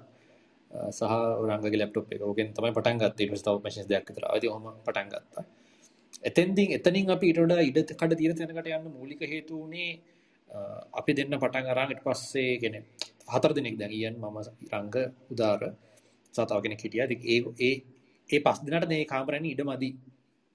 ඉතින් අපේ ශාලෙටත් වැඩේ යනවා වගේ තත්ත්වයක් ආවා. ඒකට ගෙදරින් බරපරේ නැත්නම් අමුත් එට්ට ගෙදර එන්න විදියකුත් නෑ. අපි කියනවා කෑ ගහන්න එපා වැඩක් කියලා. ඉතින් ඒක හරියන්නේ නෑ. ඒ පාරේ ඊට චුට්ටක් ඉඩ තියෙන තැනක් බැලුවා. එතකොට රංගගේ ගෙදර ඉස්සරහා ඒගොල්ලන්ගේ තාත්තට තිබ්බා මේ සිල්ලර කඩයක්. ඒ කඩේ වැඩ කරන නවත්තලා ඒක අපිට දුන්නා. අපි ඒකට රෙන්ට් එකක් ගෙවලා අපි එතනට ගියා. එතන පොඩ්ඩක් ඉඩ තිබ්බා ඊට වැඩිය. එතන අපි ඉන්ටීරියර් එක පොඩ්ඩක් හදලා අපි එතන පටන් ගත්තා. එතන මූලික හේතුව ඒ ඒ ඒ ජම්ප් එකට මූලික හේතුව ඉඩ මදි වීම. ඊට පස්සේ අපි එතන වැඩ කරගෙන කාලයක් තිස්සේ ගමන් කරද්දී අපිට ක්ලයන්ට්ස්ලා එක දෙන්න ජොයින් වෙනවා. දැන් හොඳ ක්ලයන්ට්ස්ලා එක්ක රෙපියුටේෂන් එකක් එනවා. කොටින්ම ඩුබායි වලින් පවා ස්පෙෂල්ලි ඩුබායි වලින් ෆ්ලයිට් බුක් කරගෙන කස්ටමර්ස්ලා ආවා මෙහි. අපි ඔෆිස් එකට ආවා. ඉතින් ඒක ඒක සෑහෙන මතකයක් දින දවසක්. මොකද අපි එදා හරි කලබලයි දැන් මේ ඩුබායි වලින් එන ක්ලයන්ට් මේ ලංකාවේ කෙනෙක් නෙමෙයි. ට කොහොමද අපේ ඔෆිස් එක පෙන්වන්නේ? අපිට ඕනනම් සිනමන් ග්‍රෑන්ඩ් වගේ කොහෙද ගිහිල්ලා ගේන්න නෑ එයා කිව්වා ස්පෙસિෆිකල් නෑ මට ඔෆිස් එක බලන්න ඕනේ කියලා. රයිට්. හරි ඉතින් මොනව කරන්නද ඉතින් ගෙන්නුවා.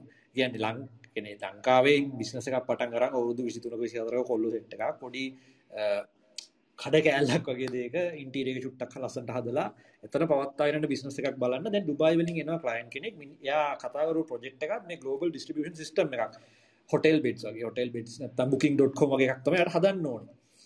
නමුත් ඒ වෙලාවේ අපිට ටෙක්නිකල් ෆීසිබිලිටි එක අන්තක් දුරකට තිබ්බ එක කරගන්න. නමුත් එයා විශේෂයෙන් ටෙක්නිකල් පොයින්ට් එකක් ඇහුවොත් අපි නොදන්න ලෙවල් එකක මම ස්පෙෂලි අපි මම වෙදා අපේ මේ ගුරුවරයෙක් කියන අපිට මට උගන්නපු ගුරුවරයෙක් මම එදා විශේෂයෙන් ගෙනහලා තිබ්බ උපදේශකයෙක් විදිහට ඒ මීටින් එකට. ඉතින් මේ මිනිස්සු ආවා ඩුබායි ඉඳන් ඇවිල්ලා එයාපෝට් එකෙන් ඇවිල්ලා පාර හොයාගෙන ඔන්න කොහොමරි ඔෆිස් එකට ආවා.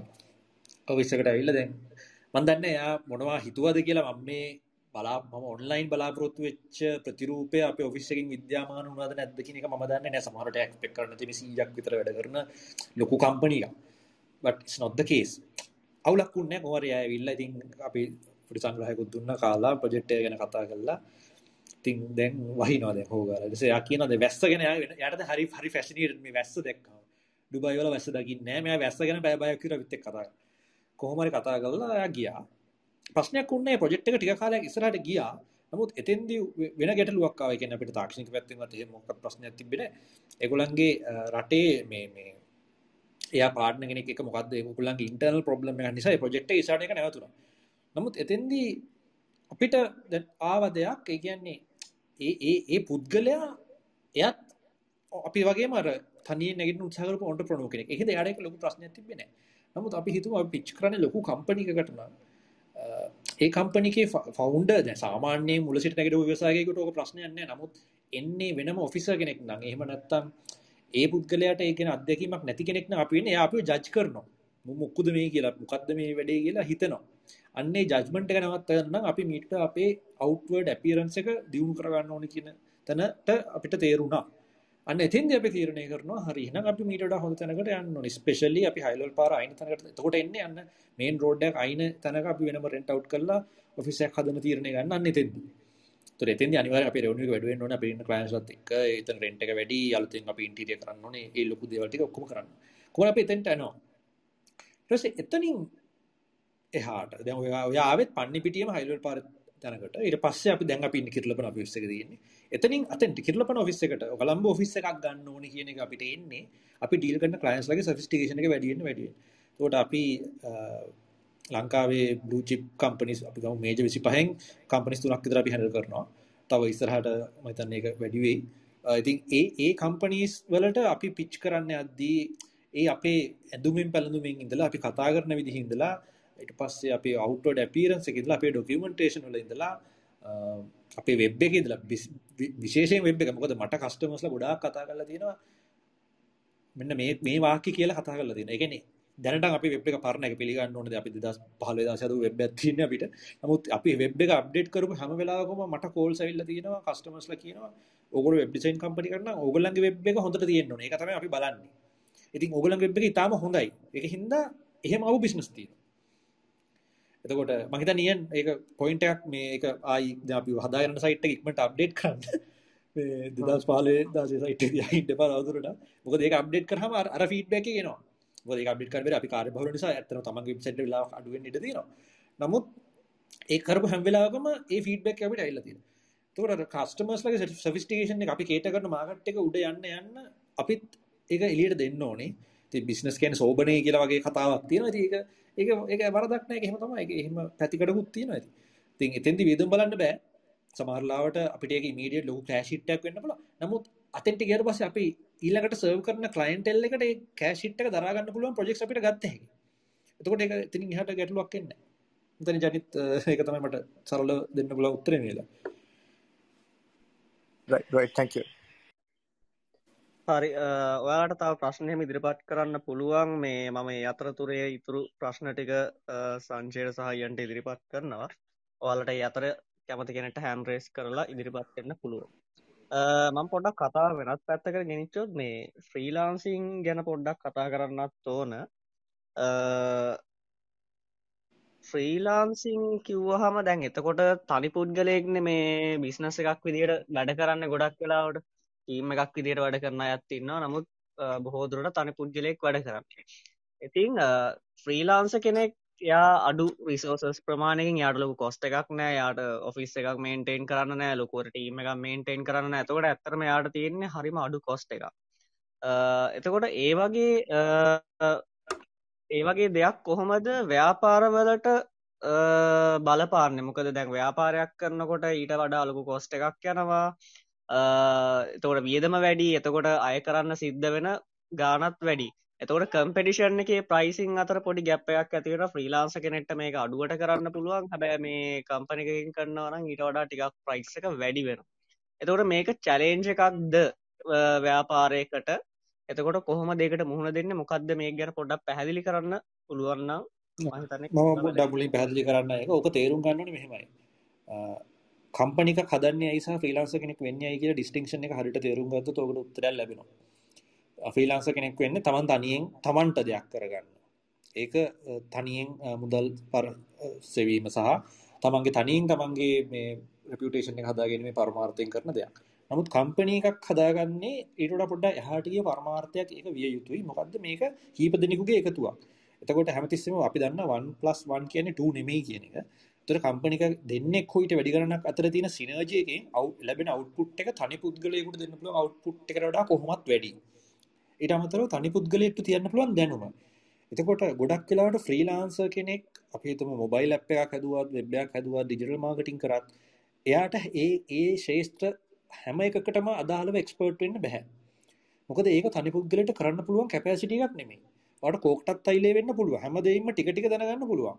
නමුත් එක ඒරියා එකක එක්ස්පර්ට් වෙන්නත් පුළුවන්. නමුත් ඔය හැම ඒරියා එකකම එක්ස්පර්ට් වෙන්න බෑනේ. අන්න එතන තමයි ෆ්‍රීලාන්සර්ස්ලා විදිහට ඒගොල්ලන්ගේ growth එක slow වෙන තියෙන්නේ. කම්පනියක් සහ ෆ්‍රීලාන්සර්ස් අතර වෙනස ඒකයි මම දකින විදිහට. එතකොට කම්පැනි එකක සර්විස් එකේදී ඔය හිතන්නකො මෙහෙම දැන් ෆ්‍රීලාන්සර්ස්ලාට මම දකින ගොඩක් ගැටලු වෙන්න පුළුවන්. Taman නොදන්න ටෙක්නිකල් ඒරියා එකක් ප්‍රොජෙක්ට් එකේ පාර්ට් එකක් විදිහට තිබ්බොත් එයා තව කෙනෙක්ගෙන් අනිවාර්යයෙන් මේකට උදව් ගන්නවා. එතකොට තව කෙනෙකුට එයා වෙනුවෙන් ෆ්‍රෙන්ඩ්ෂිප් එකට දෙන්න පුළුවන් ටයිම් එක ලිමිටඩ්.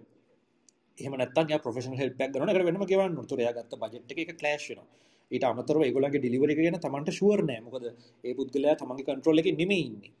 තකොට අපිට එන කලයන්ට් අනුවත් මේක මාර විදිර බලපානොද සාමාන්‍යෙන් කම්පලයින්ස් බලන කම්පනි එකක් නාව කෙන අපේ කලයින් කම්පලයින්ස් කේසගෙන කම්පලයින්ස් වලට විධ කම්පලයිස් ලෙවල් තියන දෙගොල අයිසු සටිෆයිඩ වෙන්න පුල ම නත්තම් වගේ එක සටිෆිකේන්ස් ඒවා ගත්ත කම්පනිස්න ගොල ෆලෝ කරනවා පෝසෙස එකක්තින ඒ පෝසෙස් එක අනුව ්‍රීලාන්ස කෙනෙක් කියන එක කෙලින්ම ඩිස්කොලිෆයි් මොකද ඒගොල්ල බලනවා කම්ප රේස්ටේෂන් ඇ් බලනවා බැකප් ඉරසේ මේ එක්නෙක් අපි පොජෙක්්ගේ පොජෙක් මනජ කිය තව කෙනෙ ව රිපලස් කරන්නවාද ටෙක්නිකල් ටීම එක කීපදන කින්නවාද එක්නෙක් ලෙඩවුණු තව කෙනෙ එක අදගන්න පුළුවන්ද? ඒවගේ ගොඩාක් දේවල් ෆයිනශල් පෙක්රව් මේ හැම දෙයක්ම ඒ කම්පලන්ස් තියන කයින්ස්ල බලනවා. සාමාන්‍යයෙන් ඔය මේජ දැපි අපි ගමු ශවරුන් වගේ කලයින් කෙනෙක් ගත්තොත් ඒගොල්ලන්ට පැහැදිලියම පිටු දෙසියක විතර ඇග්‍රිමට ඇත්න අපිට සයින් කර එතෙන්දී ටෙරරිසම් ගැනිදල ඔක්කොමහනවා තොට අන්න ඒවගේ අර කීප දෙනෙක් ඉට පස එක්ස්පටස් ලෙවස් දැක් සාමාන්‍ය ප්‍රජෙක්් ගත්හම බිස්නස් ඇලිස් කෙනෙක් ප්‍රජෙක් මජ කෙනෙක් මාකටිය කෙනෙක් UX ෆ්‍රන්ටෙන් බැක්ෙන් ඩිවලපමන් කස් ටෙස්ටර්ස් මේ ඔක්කොම ඉන්න තොර ඒ වගේ කස්ටමට කොලිටි වර්ක එකක් ඩිලිව කරන්න තනි පුද්ගලෙකුට පුළුවන්දගෙන ලොකු ගැටලුවක් එනවා. ති ඒ ලෙවල්ල එකට හම කොහොමත් ්‍රීලාන්සර්ස් ලකින එක ලොකු ඉශ්ුව එකක් නැහැ. හැබැයි ඒවගේ කස්ටමස්ලත්තෙක් නමුත් සහර කස්ටමස්ලා ඉන්නවා ඒගලට ඒම ප්‍රශ්නයක් නැහැ සාමානය මේ ළඟදි තෙම සිදුවීමක් තියෙනවා මට ටිකක් කියයි ඒක. එතෙන්දී ගොඩක් වෙලාවට ෆ්‍රීලාන්සර් කෙනෙකුට ඇවිල්ලා ප්‍රොජෙක්ට් එක අරන් යන්න පුළුවන් අඩු බජට් එකක් දාලා. නමුත් ඉතින් ඒවා කියන්නේ ලෝන් ටර්ම් ෆ්‍රීලාන්සර් හොඳ නම් හොඳයි. නමුත් ඒවා හරියටම අර විකට කියනවා මේ මට බලන්න වචන මතක නැහැ මම ඔක් ගැන රිසර්ච් එකකුත් කරා කාලයක් මේ මගේ මේ මාස්ටර්ස් තීසිස් එකට මම මතක නැහැ හරියටම මොකක්ද වචනේ කියලා පොඩි සමාවෙන්නේ ගැන. ඒ කියන්නේ ඒවා කොච්චර වුණත් අර ඕගොල්ලන්ට ගැරන්ටීඩ් නෑ. කියන්නේ කස්ටමර්ගේ පැත්තෙන් ගත්තත් ඒක අර සොලිඩ් ගැරන්ටි එකක් නෙමෙයි ඕගොල්ලන්ගේ ටාගට්ස් ඒ අදාළ කාලයේදී වෙනවා කියන එක. ඉනිෂියල් ෆයිනෑන්ෂල් ගේන් එකට ගිහිල්ලා. ඉතින් ෆ්‍රීලාන්සර්ලා අපිට තුද වෙන ලෙවල් තියෙනවා දැන්. අපේ කම්පනීකට එන ලොකු ප්‍රොජෙක්ට්ස් වල සමහර කොටස් අපි ෆ්‍රීලාන්සර්ස්ලට දෙන අවස්ථා තියෙනවා. ඒතොර ඒ වගේ වැඩත් කරන්න පුළුවන්. නමුත් හැබැයි අපි දන්නවා ෆ්‍රීලාන්සර් මොකක් හරි බුලක් කෙලියොත් අපි කාව ඉන්නවා කට්ටිය ඕල්රෙඩි ඒ වැරද හදන්න පුළ එහෙම නැතුව කෙලින්ම ෆිලාන්සස්ලට වනත් අපි වුණත් අවට්සොස් කරන්න හැ ඒක බැරක්බයක් අපි ගව තියාගන්න නැතු යෝකතය මට සරල ඔය සම්බන්ධින් කියන්න පුළුවන්. හිට ඇතිය දස මේ කොෂන් එක ටයිට්ලකින් හොත් ්‍රීලාන්ස කෙනෙක් කම්පිට කෙනෙක් මේ අපිට චැලෙන්ජ එකක් වෙනවාද කියන එක ඒක ඕනම ස්ටේජ්ජකෙද චැලෙන්ජ එකක් වෙන්න පුළුවන්. මොකද ෆ්‍රීලාන්ස කෙනෙක් ගත්තහම එතන ඩිසයිඩින් ෆෙක්ටය වෙන්නේ ටෙක්නිකල් කේපබිලිට එක නෙමේ එතන ඩිසයිඩින් ෆෙක්ටය වෙන්න ප්‍රයිස් එක. එතකොට ඔයාගේ කස්ටම ප්‍රයිස් කොංචස් නම් එකන ප්‍රයිස් එක නං ගෙන යාගෙන කොටක් හිතන කෙනෙක් නම් එයා සමාට ෆ්‍රීලාන්ස කෙනෙකුට යයි හැබයි සංජයකිව්වාගේ ෆ්‍රොෆෂනල් කම්පනිස් නම් ගොඩක් කරට ෆ්‍රීලාන්සස හැඳල් කරන්න නැහැ. එකන ඇක්වයි කරන්න හැ හැබැයි අපි ගත්තොත් ලෝකේ ලොකු රටවල් වල එකන ස්පේෂලිය කැනඩියන් UK ඊවනි නොස්ට්‍රලිය මාකට ගත්තොත් ඒගොල්ලන්ගේ බේස් ප්‍රයිස් පොයින්ටි ටිකක් ලොකු හින්දා ්‍රීදාන්ස කෙනෙකුට කරලා කරගන්නකොට ඉගොල්ලන්න ලොකු මේ සේවි එකක් කෙන එකින් තම ගොඩක් කලාවට මේ සෞතේශයෙන් සහ ඩියලපන් කන්ත්‍රී සොල ඉන්න ්‍රීඩාන්සට ගොඩක් කලාට තැනක් හැදිලා තියෙන් ඉතිං ලංකාවගේ ගත්තොත් ලංකාවේ ප්‍රයිසන්සිටිය මාකට එකක් තියෙන හින්දා ෆ්‍රීලාන්ස කෙනෙක් ඕනම පොයින්ටේ චලෙන්ජයක් වන්න පුළුවන්. කම්පනීහකට ඇරස් ගොඩක් ඔය කැනපි සාටප් සහ මීඩියම් ලෙවල්ලගේ කම්පනීස් නම් අපිට එන්නේ. ඉතිං ඒක ඔගුලු තමයි ඩිසයිට් කරන්න ඕනේ. ඒක කම්පිටිෂන්යක් විදිර තියාගන්නවාද? එහෙම නැත්තං අපේ වැලිය එක අප්‍රේඩ් කරගන්නවාද කියෙන දැන් ඇත්තටම සංජයකවගේම දැන් අපි ලොක ජන්සිස්තක වැඩක හිද දැන් ඒවෙලාට අපි ්‍රීලාන්ස කටකරන ටයිපකට වැට ඒ ්‍රීලාන්ස කිය අපි සබ් කටකර වැටනවා එතකොට අපට තේරෙනවා දැන් අර එක්ස්පටිස ආව ඇත්තර මෙතනින් ඒකන ලොකු ඒජන්සි එකක් ගිහිලා පිච් කරනකොට පිචිං එකේදීම හය දෙනෙක් විතරන්න අපි කම්පනය අපි ස්ටාර්ට් කරනකොට ගොඩක්ට එක සංජය ම නැත අපි දෙන්නම කියලතම කතාගන්න ඉතින් අර කලයින්ටත් ලොකු වැලිවඩිෂන් එකක් තේරනවා. මොක රිස්පෙක්ට එකක් නැතියෙන්නේ අනික ගොඩක්ලා ඩෙඩ්ලයින් හරිස්ටික් මේ මොකද ලොකු කම්පනීසල හැම ඩීෂන් ප්‍රෝසෙස එකට ගිහිල්ලන්නේ එතකොට ඒජන්සේකට හැම්වෙලේම මේ වැඩක ඒජන්සිට හම්බෙන ප ලිමිට ටයිම එක එතකොට ඒගොල බලන්න රිස්පෙක්් එක. එක මේ ගොලන්ට මේක ඩිලිව කරන්න පුළුවන් ඩිල කරන්න මේ ගොලන්ට ඇටලිස් බැකප් කැපිටිස් තියෙන රිසෝසස් තියන කම්පන එකක් වෙන්නවා එතොට ඒරිස්ක ගොල කවදකත් ගොලගේ පැත්තෙන් ගන්න එති එතින්ද අර මං කලින්ත් කිවේ කව් ජම්පිං එක. ඕගොල්ල විසිදස් පන්සිය මාකට එකනම් ඉන්න වැලි වැඩිෂන් එකක්. ගැන වැලි ඩිලිවරික් නැතුව ්‍රීලාන්සසා ඩිපිනේටලි ජලජයක් වෙනවාම තමයි. ඒකින්ද අනිවාර්යම කාලයක් යනකොට කව් ජම්ප එක කරගන්න මෝන ඒක නැත්තං මාකට එක ෆෙල් වෙන්න පුළුවන් චාන්සස් වැඩි.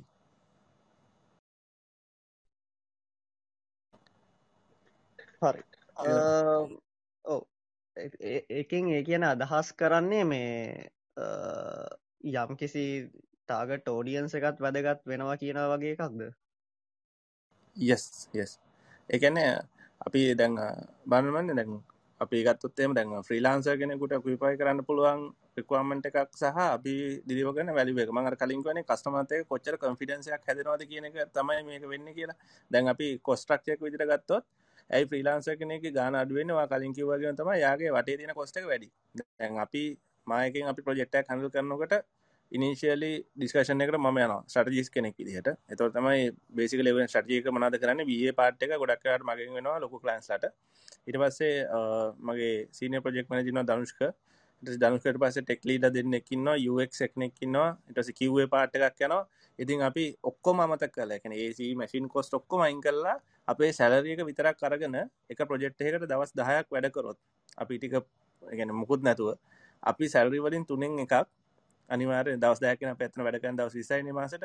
එතොට ඒගැන ඔල්මෝ සතරයකටත් මේ ගෙන ද භාගයක් විත්‍ර පංගුවක් අපි ඇත්තරම ඒ ප්‍රජෙක්්ට කනින් වැය කරන්න එතකොට ඒන ගාන ඔල ගන හල පෙලතුන තේද අපිට ෆෝක්ෂම්පල් වන් මිලියන් කියලා. එතොට බේස් ප්‍රජෙක්් එක එක ප්‍රජෙක්්ේ වැලිුව එක වන් මිලියන් නම් ඒ මේ අපි කස්ටමට ගාන ගාන අනිවාරෙන් වන් මිලියන් වලට වැඩිවෙන්න ඕනේ අපේ නිකං බේසික් කොස්ටක් කව කරන්න. ඉතින් දැන් ෆ්‍රීලාන්ස කෙනෙක් ගත්තොත් එයාට කිව්වේ කරන්න එත්තයා මෙව කරන්න බිය කරගන්න එත්තයා ඔක්කම කරගන්න එත නිතයාට අඩුගන්න කර දෙන්න පුළුවන්.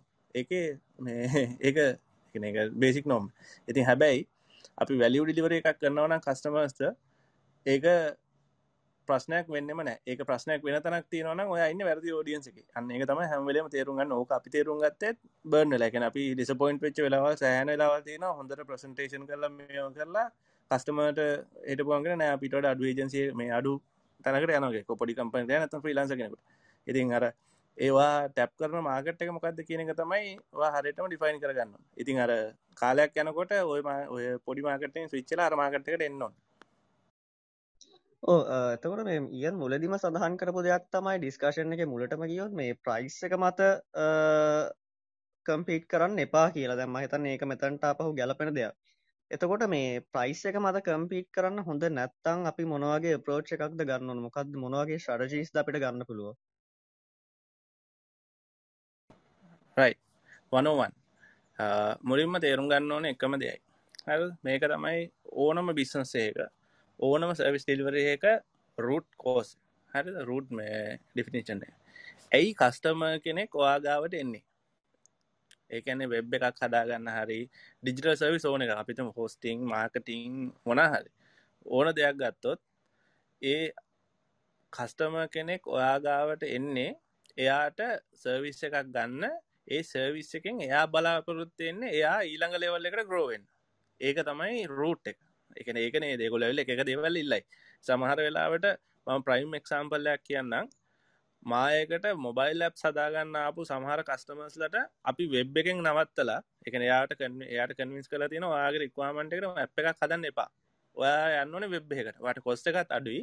සහ ඔයා ටාගට් කරන පයිලට් එක් කරගන්න වෙබ් එක හොඳනම් ප්‍රධාන අන්න එකන එයා අපි ගාවට එන්නේ එයාට ග්‍රෝවෙන් ඕන හිදන්න ඇත්තටම ෆයිපේජ් වෙබ් එකක් කදාගන්න මනුස්සෙක් හිතන්නෙත් ආමගේ කස්ටම රේජක දැම කඩේටන කස්ටම රේජක පොඩ ලොකු කරගන්න ඕනේ.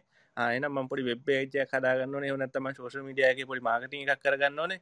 එයාගේ තියෙන්නේ ඕගොල්ලන්ගේ වගේම. දැන් අපි මේ පර්සන් අපිත් මේ කම්පනි ග්‍රෝ කම්පනි ගන්න කතා කරන්න. එතුර අපේ කම්පනිය ග්‍රෝ කරන වගේම ඒන කස්ටමගේ ඇතුළ තියෙන ඉන්ටේෂන් එකත් තමන්ගේ බිස්නස එක ග්‍රෝ කරගන්න. අන්න ඒක අන්ඩස්ටෑන් කරගන්න. එයා ඉන්න මොකක්කරි දෙයක් හදාගන්න නෙමේ එතකොට අපි ක්‍රියේටව්ලි එයාට ඇප්‍රෝච් කරනවා නම් අපි ඉන්නේ ඔයාගේ කම්පනි එක ග්‍රෝ කරන්න. එතකොට සවිසල් ඉන්ඩ ඉන්න කට එක තමයි තේරුම් ගන්න එකද අපි අපේ කම්පනි ග්‍රෝ කරන්නම අපි ඉන්න තව කම්පනි එකක් ග්‍රෝ කරන්න.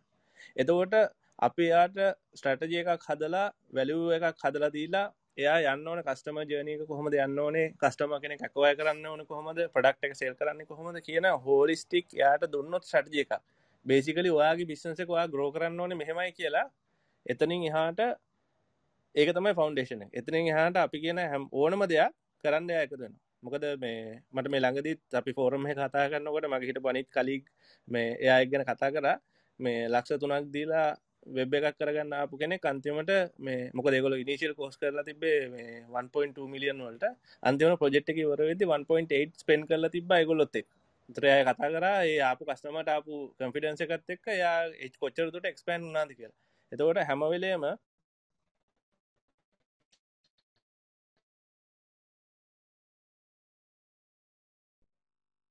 මගේ පැත්ත කනක්ෂණ එක ප්‍රශ්න බිසසයක ඉන්නවා නම් හැමලුන් අනිත් කෙන. එන් පොඩක් බ්‍රේක්ුණා මුල පොඩක් අන්ති වාක කියන්න. ආසොර මේ හැම්බෙලේම අරක තම ඔලුව තියාගන්න. ඔයාට තියෙන්නේ කස්ටම කෙනෙක් නෙමේ වාර තියෙන තව බිස්නස එකක් ග්‍රෝ කරන්න. වෙබ්පේච්ගේ හදනක දන් ඩොමේන එකක් කරන්න තැනයිදම් පොඩිම සවිසයකුණත් ඒ මනුසයගේ ඔලුව හැම්වෙලම තියෙන මගේ මගේ බිස්නස එක ග්‍රෝ කරගන්න තමයි ම උදවිල්ලන්න කියන තමයි නොකයා කියන්න එතොට එතෙන්ට තමයි යන්නවන් මයිතනේ රංග මෙතරන්න රංගගේ අලුත් කම්පන එක ස්ටාර්ට් කරන වෙලාවිත් මම රංග මයි හපු වෙලාවෙත් ඔය ඇඩ්වයිස එක මතමයි ම රංගට දුන්නේ.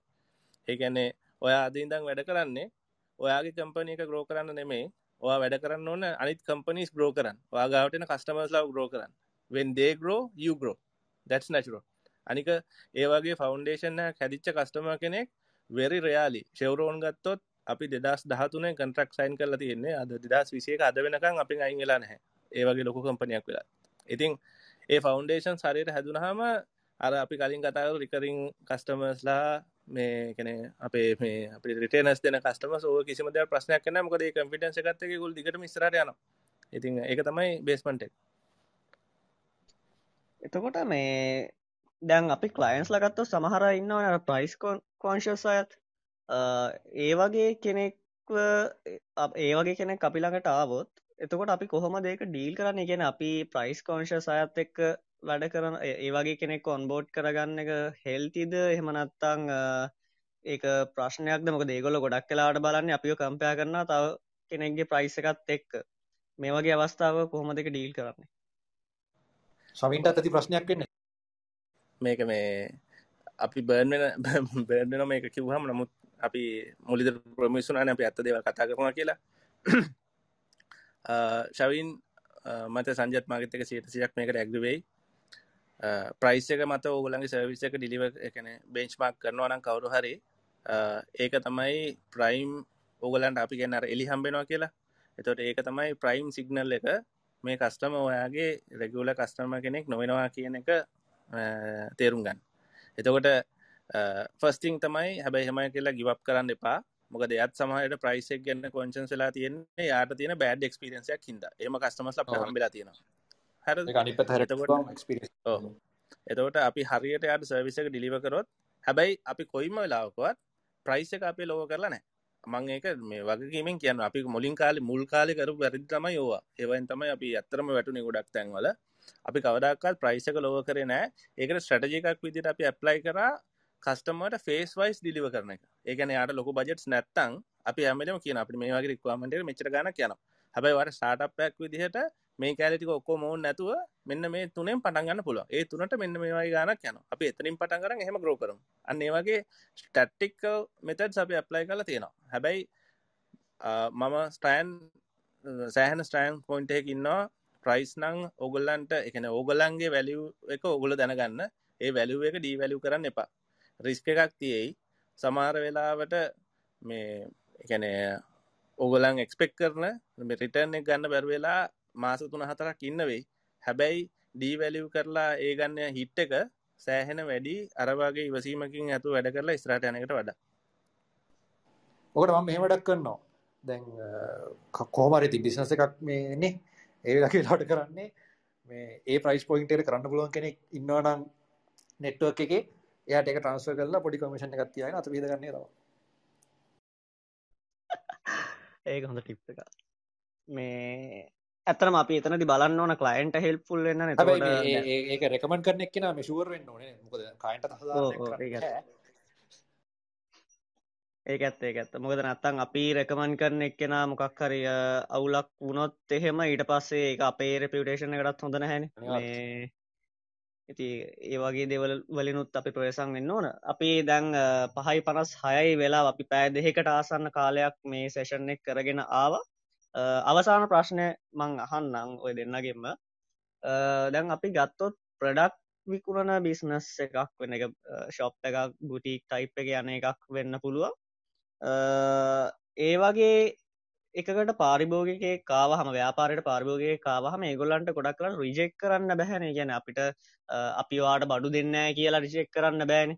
මතන එක මේ පාරිභෝගික අයිතිනවල් වලටත් තුල්ලංගෙන කිරීමක්ද කොහෙ දෙක නීතිම වශයෙන් මං හිතන්න ප්‍රශ්නයක් තියෙන මට හරිටම ශුවන කොමාරි දැන් ඒවගේම සර්විස් බිස්නස්සකේද මේක මක්කර වෙනසක් තියෙන අදමොකද අපි ගත්තොත් කලයින් කෙනෙක් ගොඩක් වෙලාවට අපිෝ කොලිෆයි කරනවා සර්විස් දෙන කෙනාව කොලිෆයි කරනවා. මේ පුද්ගලයාගෙන් මේක ගන්න සුදුසුවිද නැද්ද කියලා. එතකොට සර්විස් ප්‍රවයිට් කරන කෙනාට හැකියාවක් තියෙනවද? කලයින්ට්ව කොලිෆයි කරලා තීරණයක් ගන්න මෙත් එක්ක වැඩ කරනවද නැද්ද කියලා කොහොමද ඒ වෙනස් වෙන්නේ? න්‍යායාත්මකෝ පුළුවන්. ප්‍රායෝගිකව එපා. ඒකට පොඩි දෙන්න මෙහෙම දෙයක්. ඒ කියන්නේ අපිට ඒකට එක්කවස ඒ කියන්නේ බොරු කියනවන මේ අපිට පුළුවන් මේ කොටිම ගෙන මේ කයින්ට වාතයක් නම් මොකද කරන්න ගෙන වගේ ප්‍රශ්නයන්නේ එතකොට ඒ වගේ ප්‍රශ්නකති ගොඩක් කලාවට ස්ටටජි අපට යුස් කරන්න පුළුවන්. එකක් ඒ වාතටත් එක්ක හරියන්න කම්පන්සේෂන් එකක් විදිහට අපිට බජට් එක වැඩි කරලා කියන්න පුළුවන්. එහෙම නැත්නම් ලොකු බජට් එකක් කියන්න පුළුවන් යට අෆෝඩ් කරන්න බැරි. එහෙම නැත්නම් ටයිම් ෆ්‍රේම් අපිට මොකක් හරි කියන්නේ ඉම්ප්‍රැක්ටිකල් දෙයකින් ඒක අපිට ඒක නවත්ත ගන්න පුළුවන්. මොකද සමහර මෙහෙම දේවල් තියෙනවා. සමහර ක්ලයන්ස්ලා ඉන්නවා. අපි ඒ ක්ලයන්ට්ව ඔන්බෝඩ් කරා කියන්නේ එතනින් එහාට ඒක අපේ ඩවුන්ෆෝල් එක වෙන්නත් පුළුවන්. මොකද සමහර දේවල් වලින් දැන් මොකද අපි කවුරුත් මිනිස්සු. කොච්චර මිනිස්සු වුණත් අපිට රොබෝට් ප්‍රබෝල වගේ බැන. අපිට හැකිම් දෙනින් තියෙන ති සමහර ලාවට සමහර කලයින්ස්ල ගෙන ප්‍රශර එක එකෙන් අනිත් කලයින්ස්ලට දෙන සර්විස් එකට ලොකු හානියක් වෙන්න පුළුව ති අන්න ඒවගේ අවස්ථාවලද මෙම එක අදැකි මුත්ත කෙනද අද අපිට මේ කාලෙදි හෙම කෙනෙක්කාව අපි දන්නවා මැනේච් කරන්න. නතින් අපිට හෙම වද කස්ටමස්ල මැනේච් කරන ගෙන වාතයක් වෙන කස්ටමස්ල මැනේච් කරන නමුත් මුල් කාලේ අපිට අදකිම් නැති කාලේ ඒක කරන්න බෑ. එක එක ලොකු හිස්රදයක් එකන කොන්්ඩේ කෙස් ගැලවෙන හිසරදය තොට අන්න ඒ වගේ අවස්ථාවකදී මම කියපු දේවල් ගොන් කරන්නපුල නමුත් ඇත්තටම එක ම ප්‍රායෝගික කරන්න එපයි කිව්වේ ඒතනින් තමයි ඔකුල ඉගෙන ගන්න. ද අපිට ඒ දේවල් නොවනනම් අපිට ඊළඟ ලෙවල් එකේ කස්ටමම හැඳල් කරගන්න බෑ. මම ඕකට ලොකු කතාවත් තියෙනවා මේ ඔකට ප්‍රායෝගික උදාහරණයක්. ඒක නමුත් අද කතා කරන්න වෙලාවක් නැහැ අපි පස්සේ දවසක් කතා කරමු. අපිට වෙච්ච දෙයක්. ඉතින් අන්න ඒ කස්ටමම කොහොම හරි කරලා හැන්ඩල් කරගත්තොත් විවිධ දේවල් වලින් පොඩි කට්ටක් ගන්න වෙනවා. ඉතින් එහාට ඒ වගේ කට්ටියව හැන්ඩල් කරන එක ප්‍රශ්නයක් නෑ. ඒක තමයි එක්ස්පීරියන්ස් එකේ තියෙන වැදගත්කම. ඉතින් ඒ වගේ දේවල් න්‍යායාත්මකව පුළුවන් වුණත් ප්‍රායෝගිකව කරද්දි තව ස්ට්‍රැටජික්ව හිතන්න ඕනේ ඒ සිටුේෂන් එකට සාපේක්ෂව. පොදුවේ මෙහෙම කරන්න කියලා උපදෙසක් දෙන්න අමාරුයි. ඊයන්ටම හරි තියෙනවා කියන්න ඒක තම මට ඒකම තමයි කියන්නේ. හරි අපි එහෙනම් මේ දැන් හයයින වෙලා එක නිසා අපි සේෂණ අවසන් කරම. අත්තරම මේක තව දෙවනි කොටසකුත් අපි කරන්න බලාපොරොත්තු වෙනවා මොකද මෙතනද ඊළඟ කොටසද අපි කතා කරන්න බලාපොරොත්තු වෙන දේවල් තමයි මේ පාර්ට්න ශිප් ප්‍රශ්නයක් ඇවිල්ල තියෙන එක පොඩ්ඩක් අපි අවස්ථාවත් දීලා අදහසක් හරි මම එනම් මේක කියලා යාට අවස්ථාව දෙන්න හරි. එතකොට අපි ඊළඟ සේෂන් එකෙන් කතා කරන්න බලාපොරොත්තුන දේ තමයි පාර්ට්නශිප් එකක් කොහොමද මේන්ටේන් කරන්න? හොඳ පාර්ට්න කෙනෙක් හොයාගන්න කොහොමද? මොකද දැන් සංශය සහයන් කියන්නේ මේ මෙතන දෙනගේ පාර්ට්නශිප් එකක් එක් අවුරදු ගානක් තිස්ස රන්නුන දෙයක් අපි දන්නවා මේ පාර්ට්නශිප් එක මේන්ටේන් කරන්න හරි අමාරුයි. මොකද දෙන්නගේ අදහස් නොගැලපීම් තියෙන්න පුළුවන් විවිධ කන්ෆලික්ස් ඇතිවෙන්න පුළුවන්. එතකොට මේ වගේ දේවල් හැමිල් කරන්න කොහොමද? ඊට අමතරව අපි අපි හරි ටැලන්ට ටීම් එකක් කොහොමද හදාගන්නේ? අපි ටැලන්ට එක හය කරන්න කොහොමද? ඒ ටැලන්ට තින මිනිස්සු හොයාගන්න කොහොම එතකොට ඒගොලොත් එක වැඩ කරද ඩිෆිකල් සිටුවේෂන් සාවා මේ මැනේජ් කරන්න කොහොමද? මෙන මේ වගේ දේවල් ගැන අපි ඊළඟ සේෂන් එකේදී සංජය සහ ඉයන් එක්ක කතා කරන්න බලාපොරොත්තු වෙනවා. අපි ඒක දාන දවස සහ වෙලාව ඉදිරිදි දැනුම් දෙන්නම්. ඔයාලට පුළුවන් සංශය සහ ඉයන්ව ෆොලෝ කල තියාගන්න. ඉලරින් ඩොට්ටල්ගේ මෙතන උඩ තියෙන කොලපාට ගේ වගේ තියෙන අයිකරන එකත් එක්ක තියෙන ඒකට ගිහිලා ලබ් එක ෆොලෝ කල තියන්නත් පුළුවන්. හෙමනත්තං අපි කලබ් හවස් ශ්‍රී ලංකා ෆේස්බුක් පේජ් එකෙත් අපි මේ ගැන අප්ඩේට් එකක් දාන්නම්. ඒත් එක්කම මන්දැන් අවස්ථාව දෙන්නම් දුලීක ජයතිස්සට එයාගේ ප්‍රශ්නය අහන්න.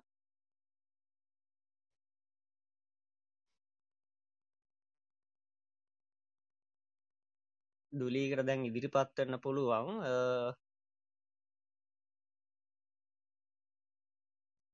හෙලෝ ඕ කියන්න. මා වැහෙනෝ නේද? ලවඩන් කලිය ඇත්තරම මේ මේ මට තියෙන්නේ ප්‍රශ්නයක් අහනවටත් වඩා මගේ අත්දැකීමක් ෂයා කරන්න විනාඩියකින්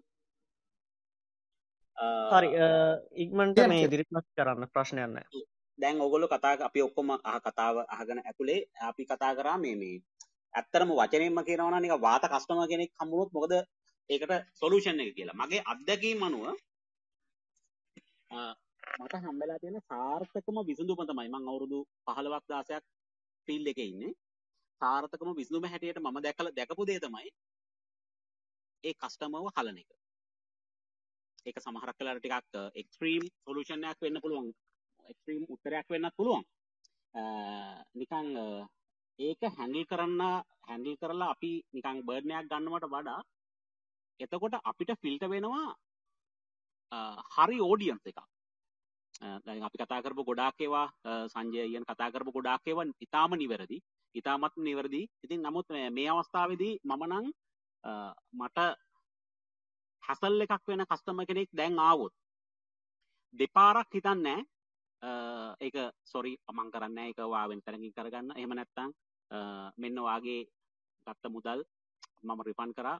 වායික වෙන තැනකින් කරගන්න. සොරි කියලා.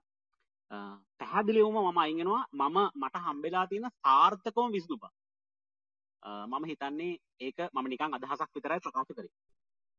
ඔව එක වෙන්න පුළුවන්. ඔප සිටුවේෂන අනුද ඔපචනිටි කොස්ට එක වැඩිනම් ඒ කස්ටමව මේන්ටෙන් කරන එක අනිවාර්යෙන් එලිට යවන්න මහිතන අපි ඉන්න ලෙවල්ල එකත් බලපානවා නේද? මොකද බිගින කෙනෙට්ට නම් ඇත්තරම මේ එක්ස්පීරියන්ස් ගන්න හොඳ ජාන්ස එකක් වෙන්න ඉඩ තියෙන ඒ මුලත් මංකිව තමයි. එකන ඒ කස්ට ඒවයි කස්ටම හැල් කල ගන්න එක්ස්පිරියන්ස එක ඉලම් කෙන හල් කරන එකට වටිනවා සමහට ඩිෆිකල් කස්ටම ල ට වැඩිම රවනිය එකක් ඒවගේ අරක සිටුවේශනල් නමුත් එක තැනකටාවට පස්සේ ඇයි අපි මේ තව කට්ට කන්න ඕනද? මේක මේන්ටෙන් කරන්න වගේ හැඟීමක් එන්න පුළුවන් එක තමන් ඉන්න ශේත්‍රය අනුවත් බලපානවා.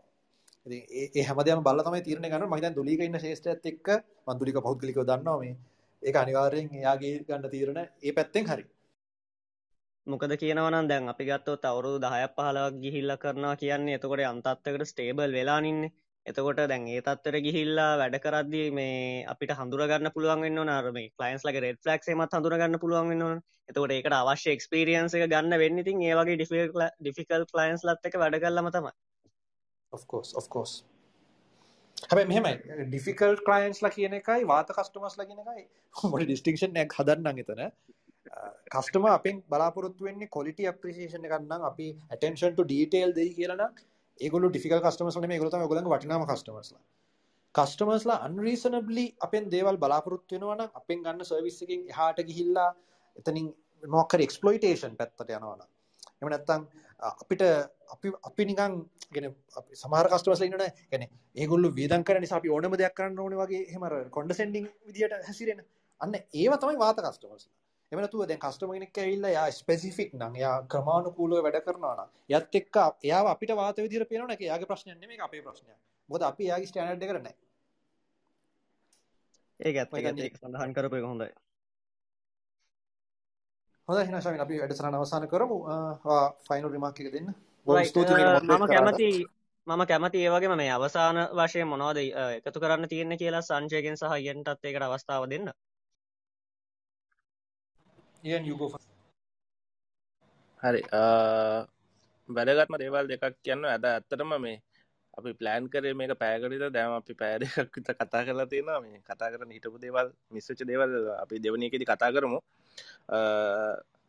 බිසන්සයක් සක්සෙස් වෙන්න වැදගත්ම තව දේවල් දෙකක් තියෙනවා. ඒ දෙක කියන්න අපිලාගේ දේක අනිවාරෙන් ඩිෆරෙන්ට් කතා කරම. පාර්ටනශිප් එක ගැනහෙම එකත් එක්කම ඒ ෆවන්ඩස් ලාගෙන එතරින් එහාට ගිය තා වැදගත් දේව දෙගත් තියෙනවා. ඒක අනිවාර්යෙන් ඕගොල්ලු සියලුම දෙනා ඒක හදාගණ්ඩ ඕනේ. අද වෙනකොට මායකට හයස් රෙවනිව් බිස්නසස් එන්නේ අපේ නෙට්වර්ක් එකෙන්. ඒකන්න අපි ඉන්ඩස්ට්‍රේකත් එක හදාගෙන තියෙන රෙපෝ එකින්. සංජය මම සමහර නෙට්වර්කින් ඉවෙන්සෝල්ට යනවා. ගෙන අපි ටොපික් එක දකලා යන්නේ. දන්න එක කරන්න කවුද මොනවත් ඒව දන්න ඒ යන හැම ඉවෙන්ට එකම අපිද ප්‍රශ්නහන දෙන්නෙක් ඉන්නවනම් අපි දෙන්න එතන ඒ දහ එක ප්‍රශ්නහන දහයක් ඉන්නවනම් ඒ දහය උඩම දෙන්න තම අපි දෙන්න. අපි මංහිතන්න කියපු හැමිවෙන්ට ඒකම ප්‍රශ්නහන කට්ට තෑග දෙනවනම් අපි දෙන්න හැමේකම තෑග අරන් එල තියෙන සංජත මතක ඇති. හැම එකම එකන අපි අපිට තියෙන ඔක්කො මහන වෙලා තියෙන එහෙම උනහම සහ අපි කරන දේවල්ගන එතදි කතා කරනවා. එතකොට මිනිස් අපි ගැන දැනගන්නවා. මෙහම සෙට්ටක් ඉන්න මේ ගොල මෙහම ඒවා කරලා තියෙනවා කියලා. ඒ නෙට්වර්ක එකත් සහ අපි නෙට්වර්ක එක මේන්ටෙන් කරන විදිහනුව එකන අපේ ගොලොත් එක රෙගවල කතා කරනවා. ද අප පරන්න ප්‍රීවියස් කස්ටමස්ලා ඒගොලොත් එක් අපි නිකයින්නකම චට් කරනවා. පේස්බුක් එක කමෙන්ටක් හරි දාන පොක්සම්ප නතන් ලිින්ටින් එක කමෙන්ටක් දාන එකොළන්ගේ දෙවල්ලට විශ් කරනවා. ඒ නෙට්වර්ක එක අපි හැමවෙලම් මේන්ටෙන් කරනවා. සහ ඒකට අදාළ වැලු වැඩ මේගෙන අපිට වැලු වැඩිෂන් ඇත් දෙන්න පුළුවන් අලුත් කන්ටෙක්ස් වලටත් අපි රීච් කල අපි කතා කරන්න out of නොව ඉතිං ඒ නෙට්ුවක් එක සම්පූර්ණය වැරගත් මේක මේ ඉන්ඩස්ට්‍රේකේ රහසක් කියන්න බෑ. එක අර නෝන් සීක්‍රට් කියන නෝන් සීක්‍රට් එක හැම වෙලේම හයි වැලිය ප්‍රජෙක්් එකක් කෙනෙකුට දෙනකොට මුලින්ම අහන්නේ ඉන්න එම්පලෝයිස් ලගෙන් ඔගුලන්න රෙකමෙන්න් කරන්න පුළන් කම්පනි එකක් ඉන්නවාද කියලා. අන්නේ අපිකරෙන ඉවෝක් සෙට් එක යනවා කියලා. අන්නේ රෙකමෙන්ඩඩ් ලිස්ට එකට ඔගුල්ලන්ගේ නම ඇතුළත්වෙන් තැනකට ඔගුලන්න වැඩ කරන්න පුළුවන්න්න ඒකයි එතන් තමයි ෆ්‍රීලාන්ස කෙනෙක් වෙනතු බ්‍රන්් එකක් හදනක තියෙන වැදගත්කම තියෙන්නේ. ඒ බ්‍රන්් එකක් විදිහට පොසිෂන් වෙලා ඉන්න පුළුවන් ඕගලන්ට කැනෙ කතා කරන මේවා වැඩක් නම් මායකර තමයි දෙන්න උන් තමයි මේ වගේ දෙයක් අලු දෙයක් කරනනම් කරන්න. අන්නේ තැන හදාගෙන තියෙනවනම් ඒක තමයි ඕගොල්ලන්ගේ ඊළඟ කව් එකට පයින්න ඔගලන්ට හම්බෙන චාන්සක ඒක අපිට හදාගන්න ගොඩක් දුරගිය මොකද අපි කාලේ අපි ඕගනච්චර දැන හිටින නෙට්වක් එක තින වැදගත්කම. අපි හිතන් හිටියේ මාකටිං කරලා පිච් කරලා කොම්පනිය ලස්සන්ට හදලා තිබහම අපට බිස්නසේ කියලා. හෙම වෙන්න නෑ එක හයි වැලි බිස Google එක Google එක. ඔව හරි. මේ Google එක එහෙම. එතකොට ඒ නෙට්වර්ක්ස් මේන්ටේන් කරන එක ඉතාම වැදගත්. හරද? ඊට පසංක දෙක තමයි ඕගොල්ලන්ගේ ෆවුන්ඩර්ස් ලගෙන් පස්සේ එන ටීම් එක. ඒක ඉතාම මයිතන්නය ඒ අපි වෙනම වැඩස්ටන කතා කරමු කිය ඒක ඒක තමන් පොඩි දෙයක් කියලා නවත්තන්න ඒක මේෂන් කරන්න ඕනේ. මේ අපි එකෙන් ගොඩක් බර්න් වෙලා තියෙනවා. අපි ඊළඟන් ටීම් මොකද ඕගොල්ලෝ උන්ගේ විෂන් එක සියට සීයක් ෆලෝ කරන්න පුළුවන් ටීම් එකක් ඕගොලන්ට ඉන්නම නොයි ලකීලි මේ අපිටත් ගොඩක් බර්න්ස්වලින් පස්සේකන අපිතුව නෑ මුතම අපිත් ඉස්රට යන්න මෙයා තමයි හොඳම අපිවත් ගොඩදාගන්න මේ ඉස්රට ඇයි කියලා. හෙම ෆෙල් වෙච්ච තැන් ගොඩයි. ඒගින්ද එක ෆෙල් වෙනවා. ඒගෙන ොරි වෙන්න එපා. හැබැයි යෝගුලන්ට ෆස්ට් එකන එලි දෙක තුන එනකොට මෙයා අපිත් එක මෙත් අප ඉස්රට යමක සකඩ ටීමකන එත් එක ඉස්රට යන්න බෑ කියන එක. ඒඩිෂන් ඒතැන්ගොල් ගන්න. එක ගැන හඩිෂන්ස් ගන්න විදිකන පිලඟසි කතා කරමු. දැනුත් අපිහම එකක් ගන්න දට මන්තා පොඩ්ඩකින්. ඉරින් මේ ඒ ටීම් එක ඉතාම වැදගත්. ඉතිං ලකිදී මාලන් අපේ ඔෆිසේ ගත්තොත්තය මාලන් දනුෂ්ක මාලන් මගේ සහෝදරය දනුෂ්ක මගේ වගේම සහෝදරෙක් සුපුන් ඒවගේ නම් දෙකතුර මේෂන්කොත් ඒගොල්ලෝ ටීම් එක ඉන්න කෝ තැනකට ඇවිල්ල තියෙන අන්තිමට. ඉතිං ඒ ඩෙඩිකේෂන එකත් එක තම ඇතර මායක ස්රාට යන්නේ. ඉතිං බිසන්සක බිල් කරනවා නම් සෙකන්ඩි ටීම් එක ඉතාම වැදගත්. තෝට ඔය නෙට්වර්ක් මේන්ටේනන් සහ සෙකන්ඩරි ටීම් එක කිය සෙකන්ඩි කී පෝෂන් ඒගොල තමයි කවද දවසක ඔගුලන් කම්පනි ඊලක් ඩිරෙක්ට බෝඩ් එක එන්නේ. අන්නේ අන්නේ ඩිරෙක්ට බෝඩ් එක සෙට් කරගන්න එක ඉතාම වැදගත්. ඒක මුලින් දම්ම ෆෝකස් එක ඉන්න කම්පනීකත් එක්ක ග්‍රෝවෙන මොකද එම්පලෝයිස්ලා විදිහට ආවට කම්පනි පාර්ටනර්ස්ලා විදිහට ග්‍රෝවෙන පාර්ටනර්ස්ලා මේන්ටෙන් කරන් ඉස්සරට යන් ඒක තමයි මට ෆයින රිමක්ස් විදිහට දෙන්න තින් එහෙනම් නවතර මක් දෙන්නද කමන්න නෑන ඒකර පියක පලනතා මේ පලනික නෙට්වර්කින් දැන් ලබ් හවස එකට හොඳ තැනක්. මේ අර පැනල් සොල්ට කියල ප්‍රශ්න හනා කිවවානේ. මෙතන ඉන්න කට්ටියට එක හොඳ අවස්ථාවක් කියන්න. කබවසක තියෙන වෙන්සල්ට කිල්ල අපි ඉස්සර ෆිසිකල් කරපුදේ ඔකොලන්ට දැන් ඔන්ලයින් කාන්න පුළුවන්. ප්‍රශ්නය අහන්න කතිකවට ජොයින් වෙන්න තමන් එක්ස්පිරියන්ශය කරන්න තමන් ගෙනත් ලෝක දැනගනි. අනිවාර්යම මොකද දැන් මේ ඉස්සර නම් මමත් ගොඩක් ඔය මීට අප්සල්ට එහෙම සහභාගුණ නමුත් දැන්ගේ සිටුවේෂන් එක පොඩ්ඩ වෙනස් වෙලා නිසා අපිට මේ වගේ ඔන්ලයින් ඉවෙන්සල තමයි තින් සහභාගි වෙන්න පුළුවන් හැකියාව තියෙන මේ එකත් හොඳ ශාන්සයක් අපිට නෙට්වකින් කරන්න. ඉතිං යන් පොඩ්ඩ බ්‍රේකප් වෙනවා. මොකක්ද මේ මම පොඩි දෙයක් කියන්න. දැ මෙතන වෙච්ච දෙයක්. ලව දැන් අද අපි අද වෙච්ච එක්සම්පලයක් ගත්ත දවසෙන්. දැන් ඩිලං කැවිල්ලා මෙතන කතා කරන්නේ තැන් අපි චෑනලක මේ වනකට මංහිතන්න එකසිය දහයක් දකොය දහගෙන ඉන්න මේලාවේ එතකොට දැවගොල් ප්‍රශ්නහපු සහ අද සිතවත්කන් දිලංකා පම දෙලංකාව කවද කියලා ම දන්න නෑතම දෙකර බැකරන එක තාම හරිම දන්න දියනක කම්පනක මොනාද වෙන්න ඒක. දැන් මේක වරනහම අද රෑටම කරන්න නිලංකාවතිගෙන හොල බල ඉතින් එතෝට එයා මේ ඒ චාන්සකෙන් මගෙත් එක්ක පලවෙනි ෆෞන්ඩේෂන දාගන ති ඔගොල්ලොත් මෙතරින් අනිත් කටයටත් ම කියන මොකද අපි මේ අර ඔස්ථාත්ලනමෙන් ඉතිං ඒවගේ මේ කතාගන ෆෝරම්වල්ද හැමවලේම තමන්ව පොඩ්ඩක් එක්ස්පරමෙන් තමන් ඉන්නවන දැ මෙතන ගොඩක්ට සවිස බිසස ඇති. ඉතින් අපිටත් එකට වැඩ කරන්න පුළුවන් සෑහන චාන්සස් තියන මොකද අපිත් සංජයවන අපිත් අවත්සෝස් කරන තැන් තියෙන අපේ කැපසිට ෝලෝඩුන හම ඉතිං ඒවාගේ ට අපට එක වෙලා කරන්න පුළන් ප්‍රජෙක්සේ සම ලොක ප්‍රජෙක් සාපුවාම මේ කැපසිට එකටත් වඩ අපි හැමලේම මේ බලන්න ටීම් සුදියට වැඩ කරන්න. ඉතිං ඒවාහෙම ඒ ඔපචින්ටිස් ග්‍රබ් කරන්න මේගේ තැන්වලි කතා කරලා. ති ලබ් බව් එකට හොඳම තනක් මේ ස්පේෂල් තෑන්කයක් යන්න ඕනේ ශවින්ටත්. ශවින් මේගේ ඕගනයිස් කරනවාට. සොරිම මැදෙනට එක මට කියන්න ඔන්න මෙතැදි නෝරිස් නෝරිස්